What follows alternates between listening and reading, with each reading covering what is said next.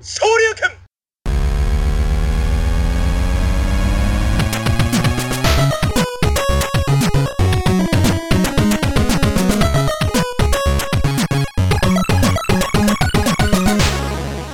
Welkom bij de tweede ooit Buttonbashers of Topic. Een, eh, een ander soort Buttonbashers uitzending dan, eh, nou ja, dan de reguliere genummerde uitzendingen. Maar ja, goed, eh, in een tijd waarin alles een beetje anders is, zijn ook onze uitzendingen en onze uitzendschema's, opnameschema's, release schema's, alles is een beetje anders. Maar we zijn er in ieder geval wel. Niels, tenminste, jij en ik Zeker weten. Op dit moment. En ehm, nou ja, toen ze hadden van, nou weet je wat, laten we dan een tweede off-topic opnemen. Want dat hebben we ooit al eens gedaan. Maar eh, Niels, we moeten daar even eerlijk in zijn. Wij waren niet echt off-topic. Nou ja, we waren ook niet super on-topic volgens mij. Nou ja, we zijn een podcast die gaat over games. En ondanks dat het wel off-topic was, qua dat er niet één onderwerp was, eh, ging eigenlijk alles nog steeds over games. Ja, maar goed, dat mag toch? Ja, nee, ja, nee. Oh, dus, het week in ieder geval af van de normale afleveringen. Dat wel, inderdaad. Dat wel, inderdaad. Maar goed, ja, hè, ehm, in een deel 2 probeer je toch iets speciaals te doen. Tenminste, ik weet niet hoe dit uit gaat pakken. Maar dat weten we over een uh, slordige 2, 3 uur wel, denk ik. Ja, en toen konden we eigenlijk maar één iemand vragen om aan deze off-topic mee te doen. En dat is uh, in mijn ogen Mr. Off-topic himself. Misschien uh, geef ik iets te veel credit nu. Maar nou ja, goed. Aan het einde van de rit zullen we kijken of dat bewezen is of niet. En um, het is. Uh, ja, het is de zoetgevoiste stem van Praatje Podcast. En dat is uh, Sven. Yay! Ik applaudisseer ja. voor mezelf en ik juich. Joehoe! Mijn vrouw denkt echt op dit moment, wat is die aan het doen, hè, die gast? Ja, ja. Hey, goedenavond mannen, heren van het goede leven. Ja. Goedenavond Sven, hoe is het? Ja, goed. Ik blijf dit wel heel raar vinden trouwens hoor. Want ik zat zo net te luisteren en ik vind het trouwens complimenten hoe jij in één keer begint met je intro. Dat kan ik nu al vertellen aan de luisteraars. Hallo lieve luisteraars. Dat is gewoon een one-taker. Dus dat zijn niet eens meerdere opnames. Het is gewoon in één keer goed gedaan. Het is ook niet uitgeschreven of zo, hè? Ik doe dit gewoon, zeg maar, ja, ik doe dit gewoon uit mijn hoofd. En oh, ik denk, echt? ik ga gewoon, ja, tuurlijk. Ik ga dit niet uitschrijven, want dan komt het er helemaal stotterend uit. Dat doe ik wel. Als je iets zeg maar de intro bij, bij die van ons. Daarom klinkt het ook altijd zo beroerd. Oké. Oké, dat verklaart het ook. nou, ja, nee, dit is gewoon spontaniteit wat hieruit kwam. Nee, wat het dus net was, want uh, ik zat zo te luisteren naar jullie en dan, dan zit ik helemaal in, doe ik mijn ogen dicht en zo. En uh, ik denk, ik moet wel opletten dat ik straks wel ga reageren. Want ik heb echt weer het gevoel alsof ik gewoon naar een opname of een, een aflevering van jullie zit te luisteren. En het is natuurlijk ook indirect zo. Maar het is toch een beetje weird. Ja. Dat ik zeg maar aan deze kant uh, in één keer mag zitten. Ja, ja, nou ja, mag zitten. Dan maak je het misschien wat groter dan dat, dan dat het is. Maar ja, vind je, het leuk dit dat wordt niet voor mij. nou ja, volgens mij zit je nog steeds weggestopt in een of andere kast. Ja, nou weet je, uh, en daar moet ik uh, Niels eigenlijk uh, credits voor geven. Dan heb ik jullie allebei een complimentje gegeven. Dat maakt de rest van het programma misschien wat draagzamer. Maar ik zat Ga natuurlijk... voorover zitten. Kijk, ik zat in mijn walk-in closet. In onze walk-in closet. En um, wat ik wel merkte in de opnames terugluisterend, is dat, dat er een te groot verschil ontstond tussen Johan, dat is mijn co-host van Praatje Podcast, voor de mensen die dat niet weten, en uh, tussen mij, qua uh, hoe het klonk. En uh, toen hoorde ik Niels ook, um, of hoorde, ik las Niels een commentaar tijdens, op een van onze opnames. Dat ging over een podcast maken. En die gaf ook aan van, ik nam wel eens op in de muziekstudio die ik heb. Of dat is een helemaal een soundproof ruimte.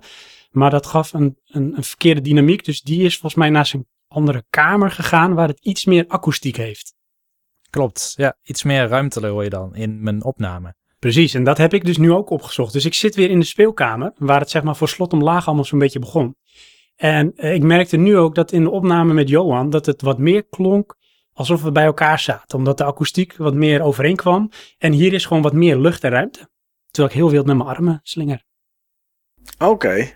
Maar niet, je zegt net, dit is waar slot omlaag begon. Je bedoelt praatje podcast. Of bedoel je slot omlaag? Ja, echt slot omlaag. Want praatje podcast, die uh, nemen we aan. Het begon op een zolder. Ja. ja, het begon op zolder inderdaad. En toen verhuisde het naar de woonkamer van het vorige huis.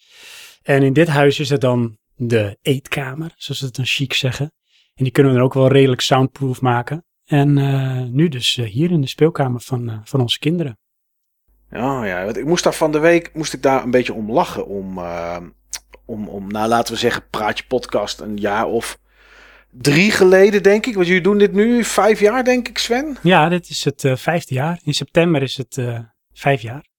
Ja, want ik keek eventjes, ik was wat aan het rondklikken op, eh, op Twitter. En toen kwam ik jullie Twitter-account tegen. En daar staat zo'n mooie, zo'n mooie banner-afbeelding. En die banner-afbeelding, dat zijn die in elkaar getimmerde soundcubes van jou nog. Met die, Ja, klopt. Ja, die, heb ik, eh, die heb ik nu naar Amerika gestuurd. Die kunnen ze gebruiken als eh, stemhokje. Oké, oh, dat is... Ja, joh. Ach, dat was zo mooi. Dat is echt een day well spent. Heerlijk lopen knutselen. Ik ben helemaal niet handig. En ik heb die dingen gewoon echt in elkaar getimmerd. Maar het klonk echt beroerd. Het was echt een grote boombox was het. Ja. En het was heel raar, want Johan zat in zo'n cubicle en ik ook. En dan zat er een klein stukje plexiglas en dan konden we elkaar zien.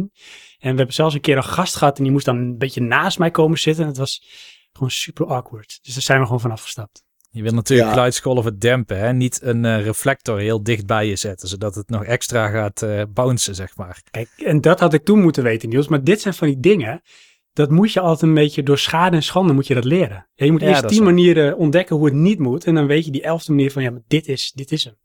Ja, nee, ik moest er wel om lachen, want het was een onwijs avontuur. En jullie hebben nog wat gedaan met handdoeken. En volgens mij zijn, ze- zijn het ook ooit nog eens een keer natte handdoeken geworden of zo. Ik, weet- die, nou ja, ik, ik zag dan altijd voor me dat jullie in zo'n cubicle zaten. Dat er zo'n druipende handdoek boven je hing. Die dan op die cubicle drupte. En het be- kleine beetje verf wat erop zat, dan naar beneden deed lopen, zeg maar. Dat soort beelden had ik er altijd bij. eh. het was, eh, ja, het- beeldend was het, eh, was het enorm leuk, moet ik zeggen. Ik ben één keer bij een, ehm, ja, dat was dan een handel in professionele audioapparatuur. Ben ik langs geweest om een soort demootje op te nemen. En die man van die handel, die, eh, die had mij kennelijk nog hoog zitten met hoe ik geluid hoor bijvoorbeeld. En ook erover denken waar, hoe ik ermee bezig ben. Dus die was heel trots aan het laten zien wat hij allemaal had gedaan, zeg maar, om de akoestiek te verbeteren bij de opname. Toen had hij daar ergens had hij een ijzeren radiator had hij daar hangen en daar hing aan een kleerhanger en hij pakte zo dat stofje beet en hij wreef tussen duim en wijsvinger. Hij zei, moet je kijken Niels, ik heb hier een fleece sweater ook voorgehangen. En ik dacht, ja,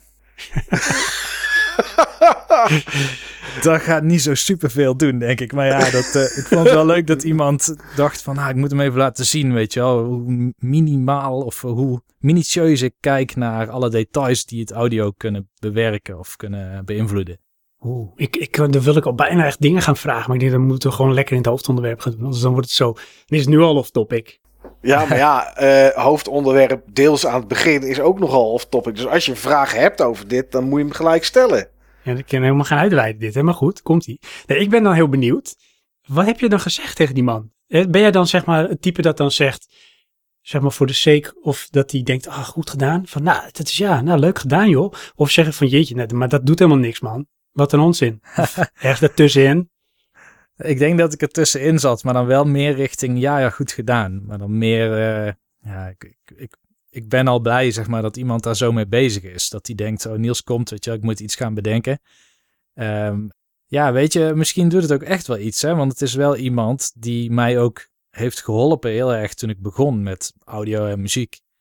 In eh, het, het vinden van de juiste apparatuur. zeg Maar er is niet de beste apparatuur, zeg maar, zoals met zoveel is waar je het beste mee kan werken en je je goed bij voelt en productief bij voelt. Zeg maar dat is de beste ap- eh, apparatuur. Dat is zo. En Ja. hij is dus iemand bij wie ik gewoon langs kon gaan en ik kon voor 25.000 euro aan speakers lenen, zeg maar, om allemaal Ah. thuis uit te proberen voor een Nee, week. dan had ik gezegd dat het het beste geluidreflectie ooit was, joh. Ik wou net zeggen. Dan ga je natuurlijk niet zeggen, joh, wat is dit voor onzin? Zegt hij, joh, weet je, hey, die speakers die blijven lekker hier. Ja. ja, zeker. Je zei net voor, het was voordat we iets gingen opnemen daar. Ja, dan zou ik ook heel vriendelijk zijn. eh, en eh, ja, ik zou, de, ik zou het wel vragen dan van, oké, heb je het getest? Ja, werkt dat echt een stuk beter? Zo van, oh, ik ga ervan uit dat je onderzoek hebt gedaan daarna en dat je, hè, dat je misschien iets gemeten hebt. En, dat, en dan is het helemaal mooi als hij zegt, ja, want, nou ja, dan, dan krijg je zelfs speakers van 100.000 eh, krijg je mee naar huis, denk ik, als je dat doet. Dan mag je ze houden. Ja, Het eh, ding is, ik heb vaak een soort van sceptische houding dan. Maar ik denk dat sceptisch misschien niet het goede woord is. Want ik ben wel benieuwd of dat iets dan werkt. Bijvoorbeeld ook zo'n fleece sweater. Maar hij is dan ook iemand die hoort dan verschil zeg maar, tussen een audiokabel van zilver en een van koper. Oh, dat vind ik wel knap. Als ik het niet begrijp, zeg maar, omdat ik me er niet voor kan stellen dat je daar een verschil tussen kan horen, dan heb ik een hele sceptische, afwachtende houding. Hmm, Ja, Hmm. beetje terughoudend. Ja, een beetje terughoudend, denk ik dan. En Ja. daar hebben wel eens collega's ook last mee. Hè? Want dan zijn we iets aan het overleggen met een paar mensen. En dan kan ik heel instemmend knikken. En misschien ook zelfs bijdragen met voorbeelden aan het idee wat we dan aan het uitwerken zijn. Om dan helemaal op het eind te zeggen: nee, ik vind niks. en We hebben echt een soort Steve Jobs. Nee, maar dat is dan meer zeg maar, in, in de modus van we zijn iets aan het bedenken. Zeg maar. Dan ben ik heel bereidwillig om gewoon mee te gaan in mensen suggesties en hun ideeën. En dan draag ik daar ook aan bij. Maar dat is meer omdat ik voor mezelf ook aan het verkennen ben van wat is nou mijn positie in wat we nu aan het doen zijn. En op een gegeven moment dan, dan klikt het zeg maar bij mij. Dan weet ik wat, waar ik sta en dan kan ik mijn mening ergens over geven. Oh, maar want dat dat is wel goed. vaak tegen. Want daar denk je dus wel over na. Je, bent, je klinkt me ook wel als iemand die best wel analytisch is. Zeg maar dingen goed afweegt en eh, erover Hmm. nadenkt voordat hij eh, zijn mening geeft of er iets van vindt. Dan, dan werkt dit ook heel erg goed. Ja, ik ben dat dus niet. ik, ik kan ook wel meegaan hoor, in de flow. Maar dan is het zeg maar omdat de flow goed is. En dan eh, vind ik er wat van. Maar ik kan ook wel eens mijn glaas ingooien dat ik meteen al mijn mening heel erg eh, op wil dringen omdat ik dan het gevoel heb dat dat zeg maar de juiste mening is. En dan stoot je hoofd ook heel vaak mee. Maar dat is Hmm. dus niet altijd een goede approach. Dus dit zijn van die dingen, daar kun je toch wel iets van leren. Ja, niet al mijn collega's vinden dat wel de goede approach. Maar eh, ik snap wel wat je bedoelt, ja. Ja. En jij dan, Mike? Hoe zit jij daarin? Ja, ik weet, ja, ik weet het niet. Ik, ehm, ik ben wel. Ik weet het Je niet. hebt wel ik collega's, toch? Ja, ik heb wel collega's, maar daar, daar overleg ik. Ja, dit, dit klinkt heel arrogant, maar daar overleg ik meestal niet mee. Die komen meestal aan mij vragen hoe ze iets moeten doen of wat ze ergens mee moeten doen. En dan zeg ik, ik zou het zo en zo zo doen. En als ik het niet 100% zeker weet, en als ik het 100% zeker weet, dan zeg ik, je moet gewoon dit doen en je moet dat doen en is het klaar. Ehm, overleg is er dan soms wel met, met degene die boven mij staat. En, maar dan is het meer. eh, ja, dan is het, ja, dan is het wel echt overleg. Oké, weet je, wat gaan we doen? Gaan we dit doen? Gaan we dat doen? Dus dan is het meer dat. Ja, Het is dus het is niet- meer als gelijkgestemde. Ja, dat, dat is wel zo. Dat, dat is wel zo. En ik, maar ik, ik weet ook niet of ik het nog ben. Ja, ik denk dat het heel dubbel is. Ik, ik ben, denk ik, voor de buitenkant ben ik heel zwart-wit. Maar van binnen ben ik dat helemaal niet. Maar dat vind ik gewoon. Van binnen ben je skittles. dat vind ik iets te Alle LGBT. Eh, dus laten we dat. nee, maar ik, ik, ik hou er wel van om dingen op scherp te zetten. En, en dan Oh ja. meestal naar het, naar het negatieve toe. Ehm, het is niet voor niks dat er, dat er één collega van mij is. En nou ja, goed, het bedrijf waar ik tegenwoordig werk. We hebben het er wel eens over gehad in een, in een jaaroverzicht iets. Maar dat is best groot. Dat is eh 500, 550 mensen of zo. En er is één collega die, ehm, die geeft interne trainingen. Dus die kent, eh, nou ik denk heel het bedrijf wel. Of in ieder geval een heel groot bedrijf. En ik ben de enige van het hele bedrijf, als die mij ziet, dat hij, dat hij altijd zegt... hey, zonnestraaltje.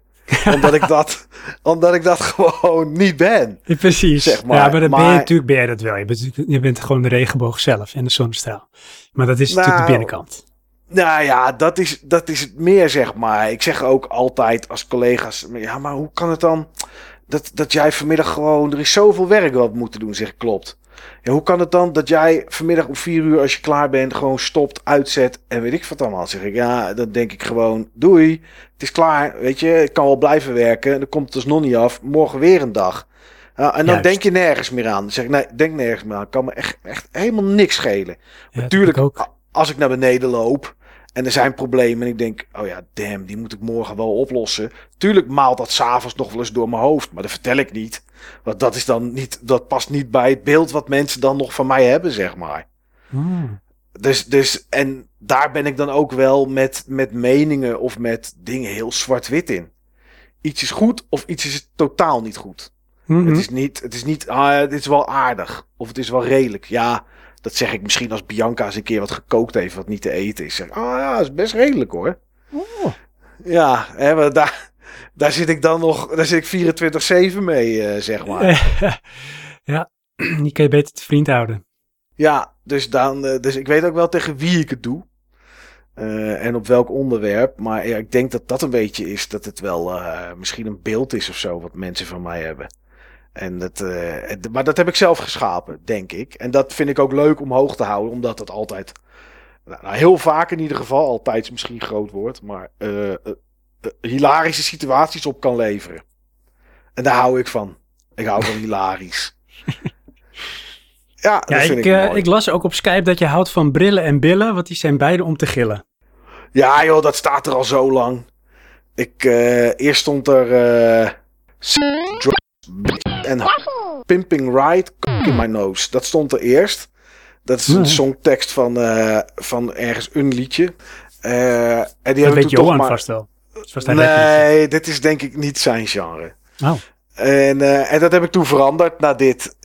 Maar ik heb wel meer van dat soort raar. Mijn status volgens mij op WhatsApp is nog steeds gewoon Vla. Of zo Oh ja. staat er Oh, wat volgens grappig. mij. Mij is dat pannenkoekenplant. Echt waar? Ja, maar dat, dat klinkt zo lekker, pannenkoekenplant. Pannenkoekenplant. Oh ja, dan denk ik aan dikke vette pannenkoeken van vroeger. Oh ja. Dat liedje. Ja. Dus, ik denk dat eh, Niels is ondertussen afgehaakt, die is wat anders gaat doen. Zijn game Ja, dat gaat klopt maken. inderdaad. Ik was inderdaad koffie gaan het zetten. browsen. Je. Oh, oké. Nou, dat is mooi. Want als jij pauze hebt gehad, Niels, dan kunnen we door naar eh, het enige vaste onderwerp eh, in deze podcast. En dat is de Game Talk. En eh, ja, dan is het aan jou om die te openen. Welcome to Xenon 2 by the Big Brothers.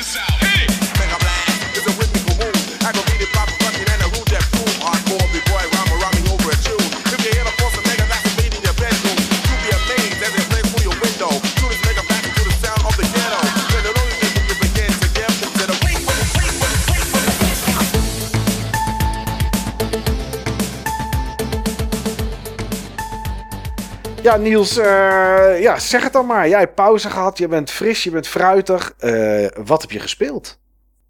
Ja, ik vind het moeilijk om aan te kondigen welke game ik heb gespeeld. Want allerlei dingen kan ik oproepen, zeg maar, met hoe ik het introduceer. Is het beschamend dat je, dat je denkt van ik weet niet hoe ik dit moet introduceren? Nee, eigenlijk, eigenlijk niet. Eigenlijk niet. Oké. Nee, nee, ik was op zoek naar een game die ehm, verrassend of interessant zou zijn. Dus ik was niet per se op zoek naar een game waarvan ik dacht van hier ga ik me helemaal in vastbijten, want dit past heel erg bij mij. Het is niet een eh, game die ik, die ik van nature makkelijk zou, eh, zou spelen. Maar het is een game die eigenlijk bedoeld is voor vrouwen. En eh, die heet Code Realize. Ik heb daar echt nog nooit van gehoord, maar dan, dan, dan klopt de marketing. Als het inderdaad, als, Ja, als het voor vrouwen is, dan Ah, ja. is het goed dat ik het ben echt zo geïnteresseerd waar dit heen gaat. Nou, ik ben Ja. vooral geïnteresseerd wat het dan is en waarom is het voor vrouwen. Maar goed, ja, eh, Niels, eh, vertel. Eh, nou, het is in principe gewoon een game ehm, die heel verhalend is. Beetje een game zoals Nine Hours, Nine Persons, Nine Doors of Ace Attorney of uh, Hood Letter, waar ik het ooit in de podcast over heb gehad. Ja, Ehm, maar dan heel specifiek waarin je een vrouw speelt en waar heel veel mooie mannen zeg maar in zitten om je heen. oké. Wauw. Eh, Maar is het, eh, is het net iets meer dan een visual novel met eh, daarin de Chip Dales? Of wat, wat is het? nou, Chippendales zijn, het zijn allemaal van die, eh, van die tamelijk vrouwelijk ogende mannen, zal ik maar zeggen. Oh, Metro mannen. Een beetje van Ja. die David Beckham personen. Ja, nee, precies. Dat soort personen inderdaad. Oké. Ja, ik zat te denken van ja, als, als vrouwen heel veel games moeten spelen waarin eh, een man de hoofdrol speelt en waar je heel veel vrouwen tegenkomt, dan moet ik een spel kunnen spelen waarin het tegenovergestelde het geval is. En het grappige is dat als ik daar dan bij stilsta, dan denk ik, ja, weet je, ik verplaats me eigenlijk nooit in die hoofdpersonages, dus het maakt me ook helemaal niet uit. Nee. Nee, nee, snap ik. Die game gaat niet over mij, maar die gaat over eh, iemand die je dan speelt. Ja. En wat, en wat, en wat doet die iemand? Of wat, ik, ik, ik ben heel erg benieuwd wat, wat dit nou is dan. Nou ja, Hoe heet het, het? eh, Nog een keertje? code, dubbele punt, realize. Oké, Code Realize. Ja, er zijn heel veel games met een dubbele punt ertussen en je weet niet wat je krijgt. Maar dit is een van de betere games. Ik had het opgezocht en hij had gemiddeld een 9 van de 10 of zo. Dus ik dacht, nou ja, weet je, ik ga toch maar eens kijken wat het is. En ehm, nou, je speelt in ieder geval iemand, Mike. Ik weet niet of je daar iets bij voor kan stellen. Maar je bent dus een, een meisje met die, eh, hoe moet ik het zeggen, een wetenschapper als vader heeft. En die heeft een of ander soort edelsteen geïmplanteerd in haar hart. En daardoor is haar bloed vergiftigd. Oké, nee, daar kan ik me niks van voor. Ik heb een vader die is timmerman. Die heeft wel eens een deurklink bij mij vervangen. ik dat, is, eh, dat is een beetje de vergelijking die ik kan trekken. Ja, je Nee. kan het misschien vergelijken met eh, dat, dat sprookje of, of ja, volksverhaal zeg maar, van die koning die gewenst heeft dat alles wat hij aanraakt in goud verandert. Dat, dat, dat ging wel fout toen hij naar de wc ging.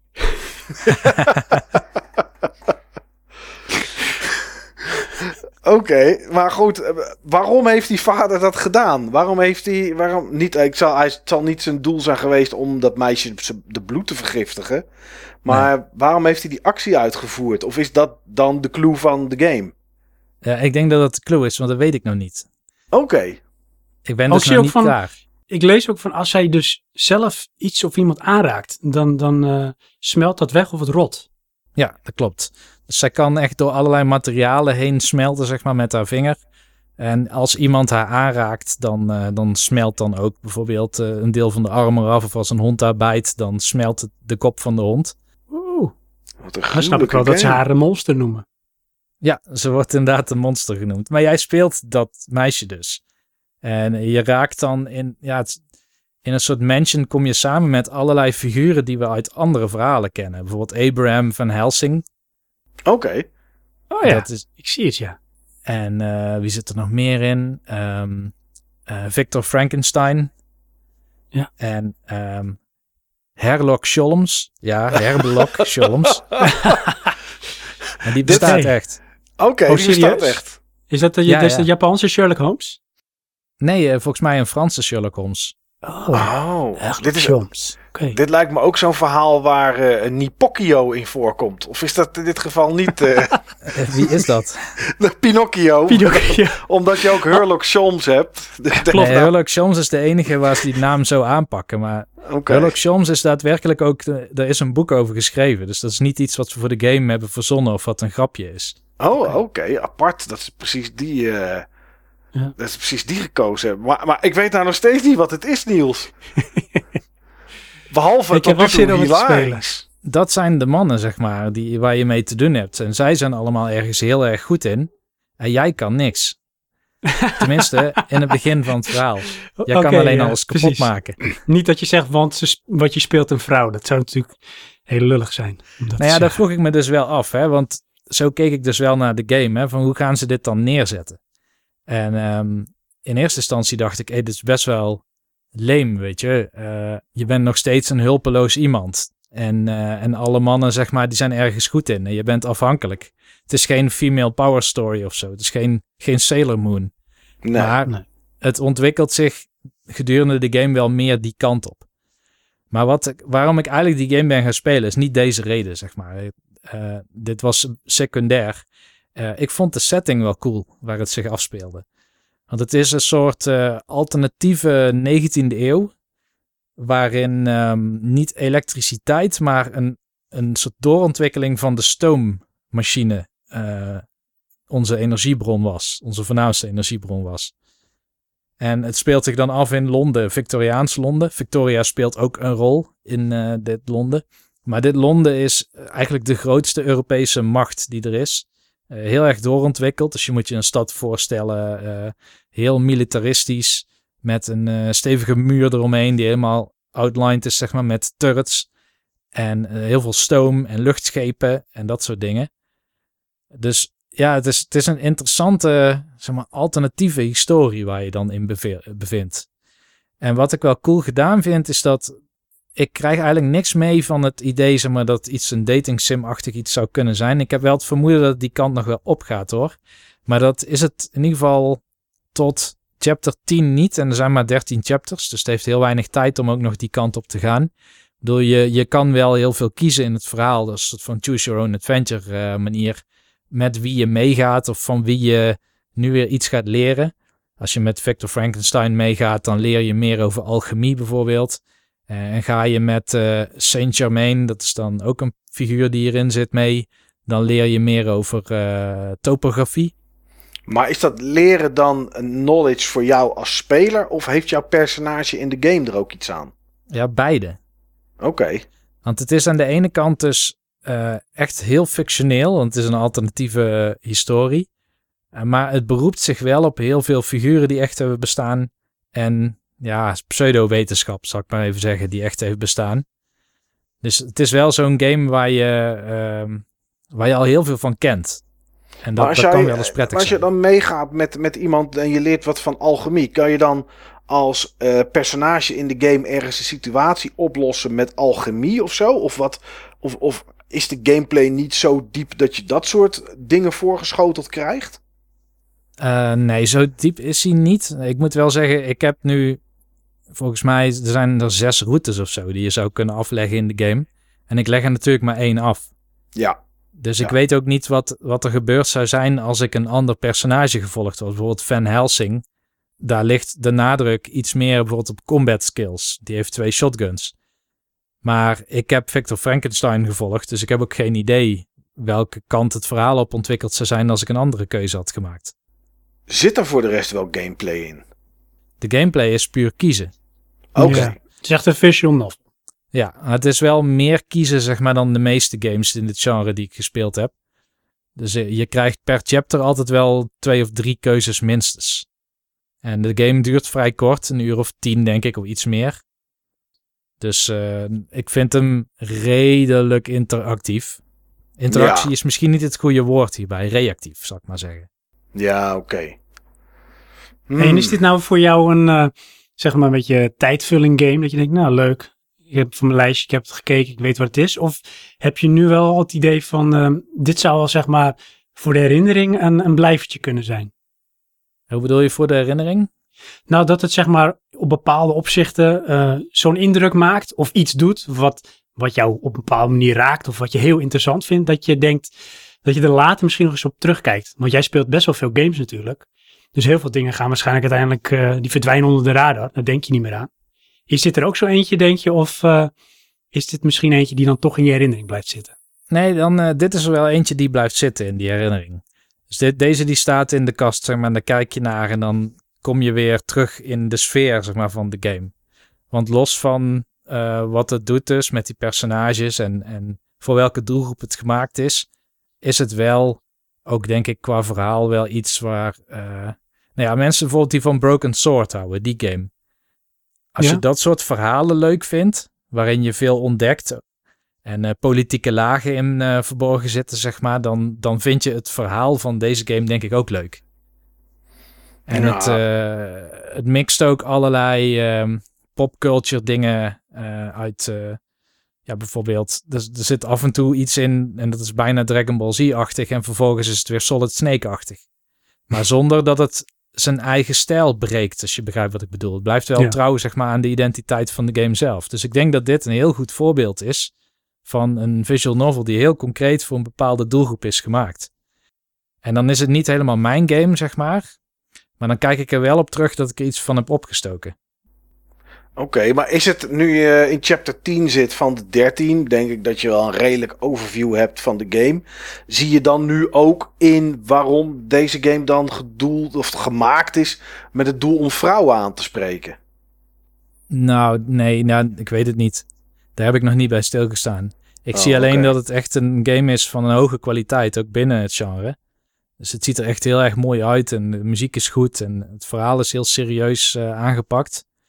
Ehm, en misschien is dat wel het doel geweest. Als een soort boegbeeld, zeg maar, voor een nieuwe doelgroep om daar goede games voor te bouwen. Ja, precies. En niet, en niet richting de industrie van kijk, zo kan het ook. Nee, ik zou, eh, ik zou hem zo aan jou bijvoorbeeld aan kunnen raden. Ik denk niet dat je hem moet gaan spelen. Nee. Maar ik was heel benieuwd, zeg maar, of dat, eh, of dat eh, het gegeven dat ik niet bij de doelgroep hoor, of dat dat een reactie zou oproepen. Maar dat doet het dus niet. Ja, nou ja, dan is het op zich een goed gemaakte game, inderdaad. En dan, eh, ja, dan, dan is die inderdaad niet gemaakt om die doelgroep aan te spreken. Zeg maar, weet je, dat je het, e- dat je het echt daarvoor doet. Want dat, dan, dan is het een game die misschien wel in gedachten eh, de, de vrouwelijke doelgroep heeft. Maar niet zo is gemaakt dat hij echt alleen vrouwen aanspreekt, zeg maar. Ah, Dus zo. dat- ja. Ja, ja, dus dat er niet in, in de hoek van elke kamer een strijkijzer staat of zo. Weet je? Dat, dat ze niet dat. dat Nou ja, ik, de- ik denk wel, het is wel een hard sell hoor. Als je, als je niet zeg maar bereid bent om te kijken wat die game heeft te bieden. Want alle mannen tot en met de hond zijn ontzettend gekleed. En met gekleed bedoel ik, ze, ze, ze hebben heel erg ontworpen kleding met veel te veel tierlantijntjes. En ze hebben ook allemaal een hoedje op en er zit of een speldje in of een strik of zo. Oh mijn god. Oké, ja. Ja. Lastig dan wel. Nou ja, ik weet niet of dat lastig is. Het is uiteindelijk onder de streep gewoon een best een goed spel. Nou ja, dat is denk misschien ik dat het het. belangrijkste. Ja, dat is zeker. En misschien dat het dan ook wel. Dat. Ja. Weet je, het enige wat het dan zou kunnen doen. Als ik denk van oké, stel dat ik dat speel en, en ik zie dat. ehm, het is, dat, is niet, dat is niet mijn stijl, zeg maar. Maar als de game en de personages voor de rest goed geschreven zijn. Ja, dan zou dat mij denk ik iets minder boeien ook. Ja. Dat het zo in elkaar zit. Nou ja, weet je, die hoedjes die hoeven natuurlijk niet voor mij. Maar ja, uiteindelijk, zeg maar, ik ben niet zo van de aankleding of de graphics. Hè. Voor mij is, eh, is de game echt in de interactiviteit ermee, zeg maar. Ja. Ehm, ik heb een keer, dat is echt lang geleden, volgens mij nu zeker elf jaar geleden gok ik. Toen eh, ben ik naar een, in Amsterdam naar een bijeenkomst geweest. En het was een bijeenkomst voor de beeldtaal. En ik had niet door waar- waarvoor ik was uitgenodigd. Maar dat was dan iemand, die was schijnbaar heel bekend in Nederland. Die, eh, dat was een, een grootheid wanneer het ging over beeldtaal. En ze hadden dan eh, mij uitgenodigd om voorbeelden van games te laten zien, zeg maar. Maar uiteindelijk alleen maar eigenlijk bedoeld, zeg maar, om zich tegen af te zetten. Zo van, moet je kijken wat die, die games toch voor eh, prematuur medium zijn met hun beeldtaal uit de 16e eeuw of zo. Oké. En, en toen ik dat door had, zo van, oh, gaat het hierover, zeg maar. Toen was ook het argument wat ik kon gebruiken, was van, ja, maar als je naar de games kijkt, naar hoe ze eruit zien, dan begrijp je niet wat de beeldtaal of wat de taal van games is. Want de taal van games is niet hoe ze eruit zien. Maar de taal van games is eh, de ervaring van de speler. Ja. En, de- en de interacties die in het spel zitten. En daar zit, daar zit de mooiheid zeg maar, en de esthetiek van spellen in. En dat is ook voor Call of Duty. Hoe vaak lees je wel niet van... Ah, dus kinderen worden er heel agressief van. Terwijl... Ik denk dat een, een kind die dat eh, regelmatig speelt... Natuurlijk, het is een aanname dan van mijn kant. Maar die kijken dwars door dat visuele laagje heen. Dat gaat helemaal niet over oorlog en tanks en soldaten. En dat gaat meer over... eh, Het gaat over punten scoren. Ja, dus, Precies, dus het is presteren. eigenlijk een soort van tikkertje, maar dan... eh, Ja, bovenaan de ranglijst staan. Dat is waar het om gaat. ja, Tuurlijk, toen ik gisteravond Call of Duty Modern Warfare zat te spelen, de, de, de Warzone, de Battle Royale. Tuurlijk heb ik zitten lachen toen ik neergeschoten werd door iemand en twee kameraden van mij die gast neerschoten. Hem gingen teabaggen terwijl hij op de grond lag. En daarna, en daarna een, een handgun pakte en hem dwars door zijn hoofd schoten. En dan denk ik toch, ah, dat is een lekkere kill. Maar uiteindelijk, ja, ging het er gewoon om. We hebben er weer eentje minder. Juist. En dat, en dat is waar het Daar om gaat gaat. het Ja. Ah, ik hoor het al, Mike. Je bent helemaal desensitiveerd. Wat is het? Gedesensitiveerd. Wat is dat? Gedesensitiveerd? Ja, ja jongen, je bent gevoelloos.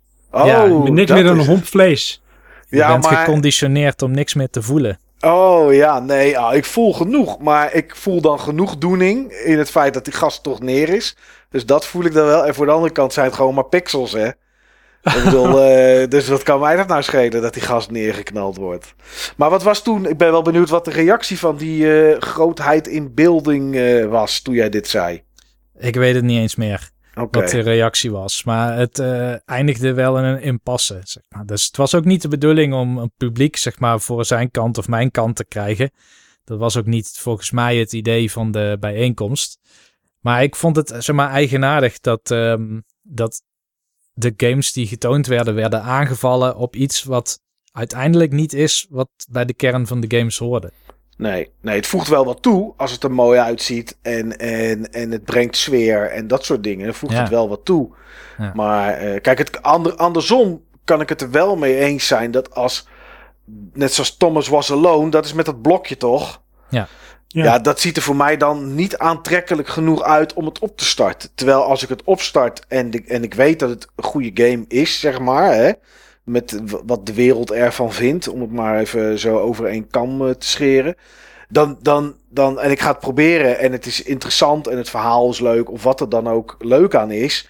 Ja, dan kan ik, er- kan ik het ook wel tezijde leggen dat het maar een vierkantje is, wat het blijkbaar kan praten en denken. Dus, dus ja, dat, dat zou ik dan op zich wel, op zich wel kunnen. Hm. Ja. Maar goed, eh, eh, waar speel je dit op, Niels? Wat is, de, is dit Switch? Dit was Switch inderdaad. Hij is eh, ook op de PlayStation 4 verschenen, al een stuk eerder. Oké, oh, dit lijkt me echt ook zo'n game die op de Vita uitkomt. eh, omdat dat volgens mij wel de visual novel machine is. Maar Ja. eh, dat dus niet. Daar is hij ook voor uitgekomen. Ook wel. Ja, dat zie ik hier. De Vita, PlayStation 4 en eh, de Switch. En de Switch. Oké. Nou goed, je gaat hem nog wel uitspelen dan. Of uitklikken, Niels. Om het maar Hey, zo te sterker nog, sorry dat ik weer onderbreek. Ja, dat mag altijd. Ah, mooi. Hij is origineel op de Vita uitgekomen. Oh, Oké, In 2014 al. dat was het originele platform. Ja, dat zat er wel in. Ja. Ja, maar nog drie chapters dus, Niels. En dan is het klaar. Ja, ik verwacht dat het 2,5 uur duurt maximaal. En dit is zo'n game niet die ik eh, zeg maar heel veel uren achter elkaar speel. Maar die je af en toe even aanzet voor één chapter. Ja, precies. En eh, ja, dan, eh, dan laat je hem weer liggen voor een paar dagen en dan pak je hem weer op. ja, ja, En als je dit nou, als je klaar bent en Niels, je denkt, dit vond ik echt eh, tof. Ik wil het niet loslaten, maar ik ga het niet opnieuw spelen. Maar ik wil een beetje blijven hangen in die eh, vibe. Dan kun je daarna gewoon lekker de anime gaan kijken. Want ze hebben er ook een hele anime-serie van gemaakt. Ja, dat kan ik niet. dat is wel een goede tip. Maar eh, ja, ik, ik, krijg te- ik, kan, ik kan geen series kijken.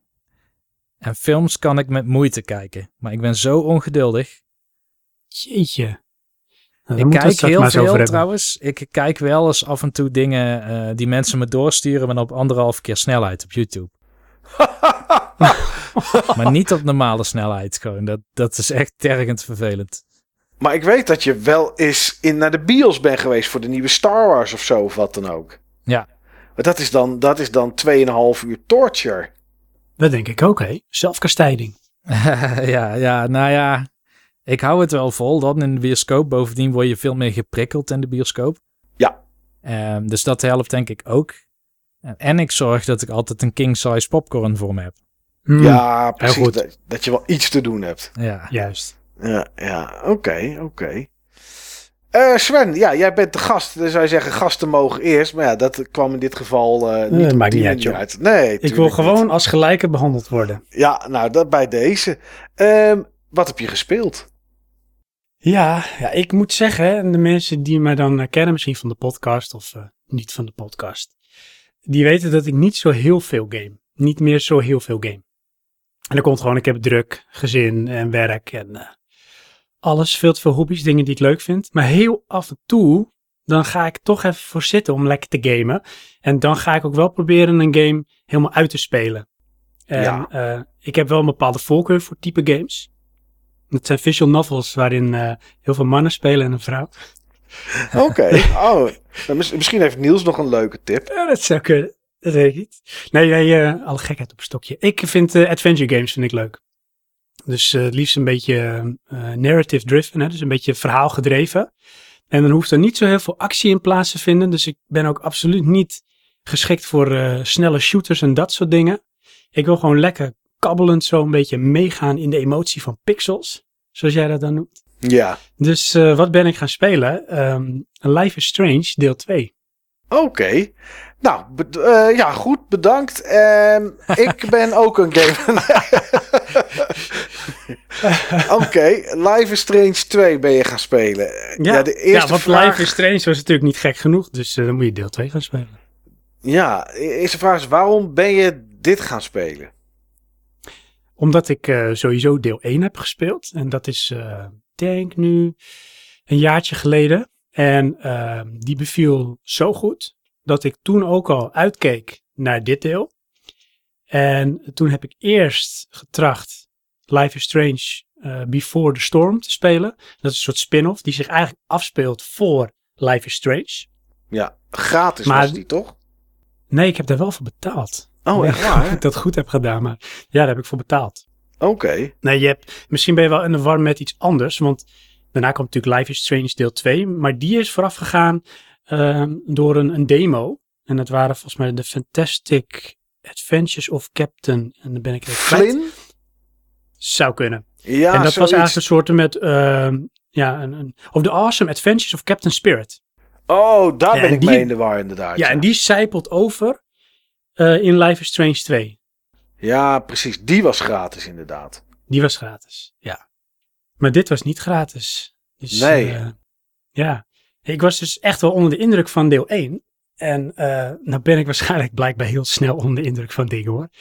Want eh, er moet gewoon een beetje emotie in zitten en ik wil me kunnen identificeren. En in deel 1 was dat met de vrouwelijke hoofdpersoon, met Max. En op een of andere manier werkte dat. En ja, ik wilde gewoon echt gaan, gaan ervaren wat, wat er ging gebeuren. En Life is Strange heeft een bepaalde manier van spelen. En het is, wat ik zei, heel erg verhaalgedreven. En, ehm, maar er is ook interactie. Dus het is geen, eh, zeg maar, visual novel. Jij moet wel keuzes maken. En die keuzes hebben consequenties verder in het verhaal. Maar je moet ondertussen ook wel, het zij je wel wat simplistisch, wat puzzeltjes oplossen. Je moet met een bepaalde eh, game mechanic moet je om kunnen gaan. En in deel 1 is dat het kunnen terugdraaien van de tijd. Waardoor Ja. je bijvoorbeeld iets gebeurt die informatie, die heb je nu. Je gaat terug in de tijd en jij kan nog steeds die informatie gebruiken om eh, het pad te veranderen. En dat er iets anders gebeurt. En eh, hier hebben ze dus ook zoiets in deel 2, maar daar heeft het te maken met uh, telekinese. Oh, oké. Ik, ik zal heel kort even vertellen, als jullie dat willen, want dan gaan we door naar jouw onderwerp, Mike. Uh, waar Life is Strange deel 2 over gaat. Daar, kom maar op. Okay, nou, Life is Strange deel 2 uh, gaat over een, een jongen, um, Sean. En uh, je bent een Mexicaans-Amerikaanse teenager in Amerika, in een dorpje. En um, jij uh, hebt gewoon je dagelijkse beslommeringen. Zo, zo start je ook een beetje het spel op. En het heeft te maken met volgens mij een, een, feestje van het weekend en dan wil je heen. Dus je bent echt een teenager. En je loopt met je beste uh, vriend, een vriendin in dit geval, een meisje. En uh, dan kom je langs je buurjongen en je buurjongen die zegt al vervelende dingen. Dus op die manier wordt de setting al een beetje neergezet van wat voor uh, verhaal of dynamiek het heeft. He, dus uh, je bent niet helemaal lekker op je plek in het dorp. Want je bent natuurlijk ook Mexicaans-Amerikaans. En daar kom ik zo nog wat op terug, dat het ook wel ergens heel actueel is. Wat ze gebruiken in de game. Anyways, um, jij woont daar met je broertje en je vader. Je moeder die is um, waarschijnlijk uh, weggegaan. Dat weet je nog niet helemaal. In ieder geval, ik weet dat nu nog niet in het verhaal waar ik zit. En um, dan is er iets. Uh, je moet eerst wat, wat saaie, simpele dingetjes gaan doen in en rond het huis. En dat heeft met je vader en met je broertje te maken. Maar op een gegeven moment ga je naar je kamer. Je hoort wat uh, geluiden buiten. En dan zie je dat je broertje ruzie heeft met die vervelende buurjongen. En dat escaleert. Er gebeurt iets wat dus eigenlijk uh, de kern van het verhaal is. En dat heeft dus blijkbaar met telekinese te maken en jouw broertje. Meer vertel ik niet, maar meer weet ik ook niet. Uh, maar dat zorgt er wel voor uh, ja, dat jij op een of andere manier besluit daar meteen te vluchten met jouw broertje. Want er gebeurt ook iets met jouw vader. Dus je moet weg. Je kan daar niet blijven. En uh, dat is eigenlijk het begin van ja, een soort met roadtrip bij jouw idee is, heb ik nu het idee als, als hoofdpersoon zijnde, dat je uiteindelijk naar een Mexicaans stadje wil, waar jouw vader het altijd over heeft gehad. En uh, onderweg ga je mensen ontmoeten en moet je keuzes maken en komt je broertje er waarschijnlijk achter dat hij meer kan dan dat hij nu denkt. En eh, je gaat het beleven. Hmm, Oké. Mike, pistool op je hoofd. Je moet nu antwoorden. Code Realize of eh, Life is Strange 2? Code Realize. ja, Tuurlijk, nee, dat, hè? is, dat, dat, is, dat, is niet zo, eh, dat is niet zo moeilijk. Ik eh, Maar heb je dan echt niet, heb je dan niet als je dit dan hoort, dat je denkt van ja, maar dit wil ik toch wel weten. Want het is toch gewoon wel een Nee. avontuur of waar, waar Voordat- loopt het op uit? Voordat jij vertelde eh, dat dat Mexicaanse 16-jarige jochie in een Amerikaans dorpje eh, nare dingen hoorde over hem gezegd of tegen hem gezegd door zijn buurjongen. Voordat jij dat vertelde en zei dat het een Mexicaans jongetje was, dacht ik al: oké, hier komt de racismekaart. Oh ja, ja, dat speelt wel een bepaalde rol. En Ja. dat is wel grappig. Misschien meteen ook een soort met sidebar voor een van de topics die ik bij jullie forum voorbij zag komen. Games die hun tijdperk, eh, zeg maar, echt eh, eh, vertegenwoordigen. Ja, Dat is bij dit denk ik ook wel, want de game is ehm, uit 2018, als ik het goed begrijp. En ehm, nou goed, in Amerika is er met name natuurlijk heel veel aan de hand in de politiek. En eh, hoe men daar met elkaar omgaat. En eh, de game, die gaat daar ook wel echt op in. Dus dat Ja. heeft wel een soort diepere laag die niet direct natuurlijk van invloed is voor wat jij doet. Maar je ziet wel dat dat iets is wat, wat steeds terugkomt. Wat heb je deel 1 gespeeld? ik heb een deel van jullie? Ja, ik heb deel 1 en eh, Zucht, zegt hij. twee of drie episodes gespeeld. Oh, echt waar? Oké, dat nog wel. Ik. En jij, Niels? ik heb er één gespeeld, want die was toen gratis. Oké, toen dacht je al van, oké, next, ik ga verder met iets anders. Volgens mij heb ik het gereviewd zelfs. Oh, echt? Ja. En wat kreeg je voor cijfer? Nou, dit zal rond de 6, 6,5 gezeten hebben. Dat is nog best goed. Nou ja, weet je, ik zag wel wat het probeerde te doen. En ik snapte dat er wel een doelgroep voor was. Maar deel 1 komt volgens mij, dit is, pff, ik denk 2015, 2016. Ja, zoiets. 2015. Ja. Als je dan een game uitbrengt, en dat was voor mij iets, we hadden het net over ehm, eh, beeldend zijn en zo en dat soort dingen. En, en dat dat niet altijd nodig is om een eh, goed verhaal te vertellen of wat dan ook. Maar als je een- zoiets als dit hebt, een game zoals dit, en eh, je kan niet eens lip sync fixen. Ja, dat was wel een dingetje hoor. Dat was een soort lip sync gate. Nou dat ja, dit wel was eh, dramatisch. vers- verschrikkelijk. Iemand zei zes woorden en die mond ging twee keer open en dicht. Het leek net of je een vis zag, nou, zag happen naar lucht.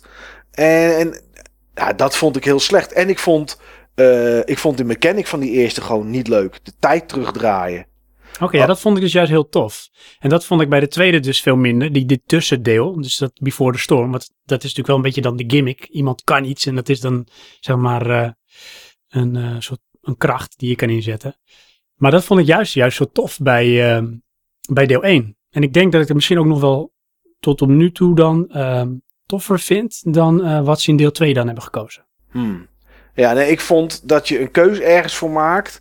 Kijk, als je een game maakt waarbij je keuzes invloed hebben op eh, de uitkomst, zeg maar, van het verhaal of, of het verloop van het verhaal, ja, dan moet je het niet terug gaan draaien als de, als de uitkomst je niet bevalt. Dat is toch leuk? Nee, dat, dat, dat, dat, dat doet iets dan. Daar moet jij keuzes in maken. Nee, want de keuze wordt voor mij gemaakt dat ik het terug kan draaien. Er was in, het is Office episode 1, denk ik. Er is er ergens een scène op een parkeerplaats met een meisje. Jij zit geloof ik ergens achter een vuilcontainer te kijken of te schuilen met een fototoestel. Of je gaat een foto maken van, volgens mij was het een, eh, een conciërge of zo, die dan vervelend deed tegen een meisje. Of misschien licht intimiderend. En Mhm. eh, daar ging je geloof ik foto's van maken. En of dan ging je zeggen dat je er wel iets mee doet of niet. Nou, ik weet niet meer wat het was. Zoiets, zo'n situatie. En toen vond dat meisje die dan zeg maar slachtoffer was. Die zei, nee, maar dit is niet wat ik wil dat je doet, bla bla. Oh, oké, weet je wat ik doe? Ik spoel terug, kies gewoon voor dat andere. Ja, nou ja, dan maak ik ook geen keuze. Hmm. Maar speelt het spel er ook niet mee in latere afleveringen? Eh, Jazeker. Met keuzes die jij maakt bedoel je. Nee, maar ook eh, dat het terugkijkt op zeg maar, die vaardigheid van het kunnen terugspoelen. Zover ben ik niet gekomen volgens mij. Nee, want als het Kun je dat even nog nader toelichten? Wat bedoel je precies? Nou, wat ik daarmee bedoel is eh, dat het kunnen terugspoelen, zeg maar, die interactie die die speler kan, Ja. ehm, het spel, zeg maar, eh, zal dat dan, dat dacht ik tenminste, dat Life is Strange deed, in de latere afleveringen nog wel, ja, moet ik het zeggen, bekritiseren, die vaardigheid. Ik weet het niet. Ik weet, ik weet ook namelijk niet dat als jij iets leert van de situatie zoals die gebeurt en je spoelt hem terug en je kiest voor een andere situatie of jouw hoofdpersonage dan wel weet dat dat andere had kunnen gebeuren en hoe dat had gebeurd. Ja, zeker. Want jij als, als zeg maar hoofdpersoon kan eh, een, een situatie meemaken. En dan denk je, nee, dat is niet handig. Want in, in deel 1 in ieder geval kan je ten alle tijden kun je dat terugdraaien, tijd. Ja. Dus het is niet alleen, het is niet alleen keuzegebonden. Je kan Nee, gewoon op elk nee, moment zeggen, altijd. ik wil tot een bepaald tijdstip wil ik terug. Want Ja. er zit wel een limiet aan natuurlijk. Je kan niet terug tot het begin van de game. Maar, ehm, en eh daar kun je dus eh, kiezen ehm, of en hoe je daar wat mee doet. Dus je bent sowieso niet verplicht om het in te zetten. Ehm, maar als je het doet, dan kun je wel de kennis die je hebt opgedaan weer inzetten om eh, iets anders van een persoon gedaan te krijgen. Of, eh, Ja, oké, oké. Ja, ik weet niet of ik dat. Het staat me niet meer bij of ik dat in episode 1 en 2 of ik dat zeg maar meegemaakt heb. Dat ik dat op die manier kon gebruiken. Dus dat wist, dat wist ik niet meer. Maar goed, ik vond dat niet zo'n leuke mechanic. Om heel eerlijk te zijn. Nee, nou, kijk, ik heb dan iets van. eh, ik vond het verhaal sowieso boeiend genoeg. Eh, De mechanic is dan een leuke extra. En dan denk ik van, nou, ik wil het lekker beleven. Ik ga er helemaal eh, in op. En dan eh, heb ik een leuk avontuur. Ja. En ehm, ja, met die eh gedachte in mijn achterhoofd ben ik dus ook aan eh, dit deel begonnen. Zijn En tot 1 nu en toe 2 stelt hij me niet teleur. Zijn 1 en 2 gekoppeld met elkaar op een of andere manier? Ja en nee, zeker. Want ehm, het gaat zelfs nog verder. Er wordt jou in het begin gevraagd naar een keus die je maakt aan het einde van deel 1, als je die hebt gespeeld. Mhm. Dus er wordt sowieso jou gevraagd, heb jij deel 1 gespeeld? Nou ja, dan zegt ze, welke keuze heb jij daarin gemaakt? En dan kies ik de keuze die ik gemaakt heb. En dat heeft, en dat heb ik dus wel al gezien, heeft invloed op ehm, wat ik meemaak ergens in de game. Dus ook daar En- kan je weer op je keuze terugkomen. Want je kan dus ook denken van, oh, dat vond ik niet zo'n tof einde, dan kies ik voor het andere. Ja, tuurlijk. Ja hoor. Kijk, en dat is natuurlijk het leuke van games, hè. In het echte leven lukt het niet. Dus hier kun je dat gewoon doen. Wat een dat is- mind, is mindwarp is dat. Het is toch tof? raar wat je nu zegt? Want je zegt, ja, is tof hè, van games, want in het echte leven kan het niet. Maar we Ja. gaan dan wel echte leven dingen in die game stoppen. Zoals dat met dit, in dit geval dan Mexicaanse jongetje. Kijk, Mike, en nou heb je hem dus. Daarom heet deze game Life is Strange. Waarom dan? Want dat, dat, dat kwartje valt nog niet bij mij. Nou, het is het echte leven, maar toch ook niet. Nou, dat Ja. is toch vreemd? Nou ja, nou ja, ik vind vreemd dat, dat je iets bestempelt als, kijk, dat is mooi, want dat kan in het echte leven, kan dit allemaal niet. Maar dan gaan we wel echte leven dingen aanhalen, want ja, want het is het echte Dat leven. heeft, ja, maar dat is, dat voor mij is dat dan, ehm, daarom vind ik dit soort type games altijd leuker die ergens wel iets hebben met, nou, noem maar een stukje realiteit of, of dingen uit leven. Want dan kan ik mij beter identificeren. Beter dan, en hoewel ik het ook heel tof vond, bijvoorbeeld eh, Thomas Was Alone. Want dat zijn natuurlijk pixels. En ja, ik denk niet dat veel mensen zich identificeren met echt een paar pixels qua vorm. Nee. Maar dat kan hier dus wel makkelijker. En, maar daarnaast kun je dan, ja, wat je in het echt leven niet kan. Ja, je kunt gewoon bepaalde keuzes terugkomen. Je kan ook zeggen, in het echt leven zou ik zulke dingen nooit doen. En hier ga je dat gewoon wel eens proberen, omdat het gewoon eens leuk is om, weet ik veel, eh, de good guy of juist de bad guy te spelen. Ja. Wat doe je dat dan? Doe je dat dan nooit in games? Speel jij een game dan waar keuzes sowieso in voorkomen, altijd volgens, zeg maar, jouw eigen eh, moraal? Mm, de, enige Wat je in het game, echte leven ook doet? de enige game waar ik van ik weet dat ik dat niet gedaan heb, is Fable 2. Daar wilde ik gewoon kijken hoe ver evil ik kon zijn, zeg maar. En dat als ik een dorpje binnenkwam, dat mensen gingen vluchten omdat ik binnenkwam. Dat ze bang waren voor me. En eh, dat, ja, dat heb ik daar wel gedaan. Dat als je Ja, maar dat doe je in het echte leven ook. Dat heb je net al gezegd. Ja, jij zet Ja, een beeld dat- neer van jezelf dat niet klopt met hoe je echt bent, omdat je het ook leuk vindt om te doen. Dus je Ja. koos toch weer gewoon volgens je eigen moraal. Nou, ehm, ik had in die game volgens mij drie vrouwen tegelijkertijd zwanger, ge- zwanger gemaakt. Dat is niet Oh helemaal mijn moraal. Ja. Want dat, dat is, eh, pff, één is al, hè, één is al genoeg, genoeg gedoe. Maar ehm, nee, dus dat, dat is niet. Maar het, als er een. Ik heb het wel eens, hè? Dan ga je een game spelen waar je dan goed en kwaad kan zijn, zeg maar. En alles daartussenin natuurlijk. En dan denk ik van, oh, deze game ga ik echt alles goed doen. Of ik ga alles op de evil manier doen. Ehm, maar dat vind ik wel, bij heel veel games word je daar niet voor be- beloond eigenlijk. En dat is dan vaak voor de evil kant. Dat op het moment dat je dat doet, dan mis je vaak ineens heel veel quests. Of eh, dan heb ik het over games bijvoorbeeld als Fallout en dat soort, eh, dat soort games. Niet, niet bij Rayman of zo, of eh, weet ik veel. Maar dan, dan mis je vaak toch content, omdat je bepaalde quests niet krijgt. Of dat mensen in één keer niet meer met je willen praten, omdat je iets doet. Maar ja, dus, dus soms loont dat dan ook niet om dat te doen. Maar ik kan je wel vertellen dat de allereerste keer dat ik Fallout 3 gespeeld heb. Nou nee, van alle keren, zo kan ik het beter zeggen, dat ik Fallout 3 gespeeld heb. ehm, en, en opnieuw begonnen ben, heb ik maar één keer de atoombom in, eh, in de game in het begin laten ontploffen. Dus dan heb ik toch eigenlijk altijd de nou ja, goede kant. Daar zitten dan ook weer slechte Ja, dingen aan.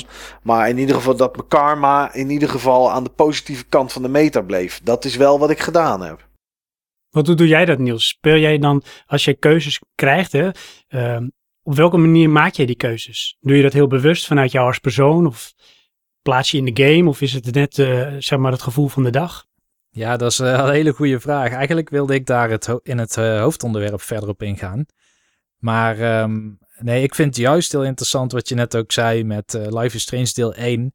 Het gegeven dat je die tijd kan terugspoelen, vond ik juist het gave eraan. Omdat ehm, wat games kunnen doen, zeg maar, en dat kan bijna geen ander medium zo goed, is dat jij ehm what-if scenario's kan verkennen. En de game Ja. geeft jou gewoon direct feedback op jouw acties. Ja, precies. En, en dat kan een documentaire niet. Ik heb me altijd geërgerd aan bijvoorbeeld dat met geschiedenis of zo, dat je dan zo'n heel fixed point view krijgt van bijvoorbeeld Operation Market Garden. Ja, de- dat hebben ze toen zo gedaan, de Engelsen, en daarom liep het hier spaak. Bam. Nou, uit je hoofd leren. Wie was, die, eh, wie was eh, General Horrocks, weet je wel? Eh, hoeveelste korps had de strategie ontworpen? Welke brug was opgeblazen? En ik denk van ja, maar dat, wat leer je hier nou van, weet je wel? Terwijl een game, dan kun je ook eens zeggen van, nou ja, weet je, wat nou als ze eh, eh, bijvoorbeeld eh, een andere route hadden afgelegd, zeg maar. Eh, hoe was het, dan gelopen? En volgens mij krijg je daar een veel rijker inzicht van in het conflict van Operation Market Garden. En dat vind ik dat Life is Strange goed doet. Ook al, en dat, dat herken ik wel van Mike, zeg maar, uiteindelijk dan funnelt het toch weer allemaal terug, zeg maar, naar één plotpunt eh, aan Ja, het eind van zo'n aflevering. Maar dat vind ik niet zo super erg. Maar goed, dat is, dat is je vraag natuurlijk niet. Je vraag was wat, wat ik dan doe, zeg maar. Ehm, Mhm. projecteer ik mezelf, zeg maar, in de positie van zo iemand? Of ben ik net zoals Mike, die dan, van wat ik dan van Mike nu maar even begrijp, zeg maar, hij is echt een consument, hè. Hij moet het pad met de meeste content, zeg maar. Dat moet hem worden. Eh, Ehm, woord voor woord, Niels. Nee, ja, dat, dat is het niet, maar het valt me gewoon op. Omdat ik in, in, in Fallout 3 alle twee die paden wel bewandeld heb, zeg maar. En dan valt het gewoon op dat je meer hebt. En dus in zo'n game als Fallout 3 of 4 was het precies zo. Dat als je de, de kant van de goede kiest. Eh, Dat er meer content in zit. En dan is het niet zo dat ik meer bang voor mijn buck wil. Maar het is wel zo dat ik dus meer verhaal en, en weet van die wereld krijg die ze bedacht hebben. Door blijkbaar de kant van de good guy te kiezen. Ja. Nou ja, ik, eh, ik ben daar denk ik helemaal niet consistent in. Want ik heb games en daar eh, zoek ik zelfs op welke oplossing ik zou moeten kiezen. Om te voorkomen dat ik weer 48 uur opnieuw moet gaan spelen, zeg maar, van zo'n game. Want sommige games duren echt zo lang. En ehm, dan ben je wel benieuwd naar waar het probeert naartoe te werken, zeg maar. Maar je bent niet meer benieuwd naar al die mogelijke zeg maar, vertakkingen die het verhaal zou kunnen nemen vanaf dat moment. Ehm, maar eh, als de game zeg maar, overzichtelijk en kort is, dan vind ik het juist leuk om. om eh, waarschijnlijk ga ik dan eerst de keuze maken waardoor ik het meest absurde resultaat krijg. Misschien is dat het wel. Ik zou wel eens willen weten, zeg maar, welke eh, randvoorwaarden de ontwerpers hebben gesteld aan die keuzes die je voor je krijgt. Mm. En Ja. om, om daar dan op eh, dat dan te toetsen, zeg maar, dan maak ik wel zoiets hele, hele maffe keuzes die je misschien niet zou maken, zeg maar, als je eh, geneigd bent om, om het verhaal een bepaalde positieve wendingen in te, te brengen. Dus het wisselt. Echt per spel kan het anders zijn. Maar ik merkte dus, en dat, dat vond ik dus interessant aan dat Code Realize, eh, dat voorbeeld, dat ik ben niet de hoofdrolspeler wanneer ik zo'n spel speel. En de, ik weet niet of dat bij alle games zo is, of dat misschien bij deze game zo is, of bij dit genre is, of, of wat dan ook, zeg maar. Maar ik merk ehm, dat ik toch wel een mate van afstandelijkheid heb bij eh, de keuzes die ik maak. Ehm, hoewel ik wel soms wel persoonlijke waarde kan laten meewegen. En misschien is het zelfs heel moeilijk om dat niet te laten doen. Ja, toch, hè, want ik zit er even over na te denken. Terwijl ik hier in de achtertuin een hert zie, eh, rondlopen. Ehm, ja, dat zie ik toevallig. Ik denk, ik vertel dat, want het is off-topic. Maar, dat is heel goed. ja, ik, kijk, ik kijk tegen een kleed aan, ik zie niks. nee, ja, dat is, eh, dat is dan wel jammer. Nee, maar wat ik, wat, ik, wat ik wel doe in games is dat, net zoals Niels net zegt, ik, ik, ik ben niet de hoofdpersonage, ik bestuur de hoofdpersonage. En ik denk dat ik aan de hand daarvan dan ook mijn keuzes maak. En dan denk ik bijvoorbeeld aan The Witcher 3.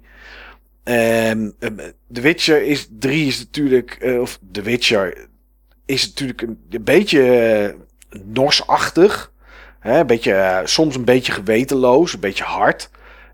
Doet het voor het geld en alles en iedereen is, is tegen hem, zeg maar. Of het grootste gedeelte is tegen hem.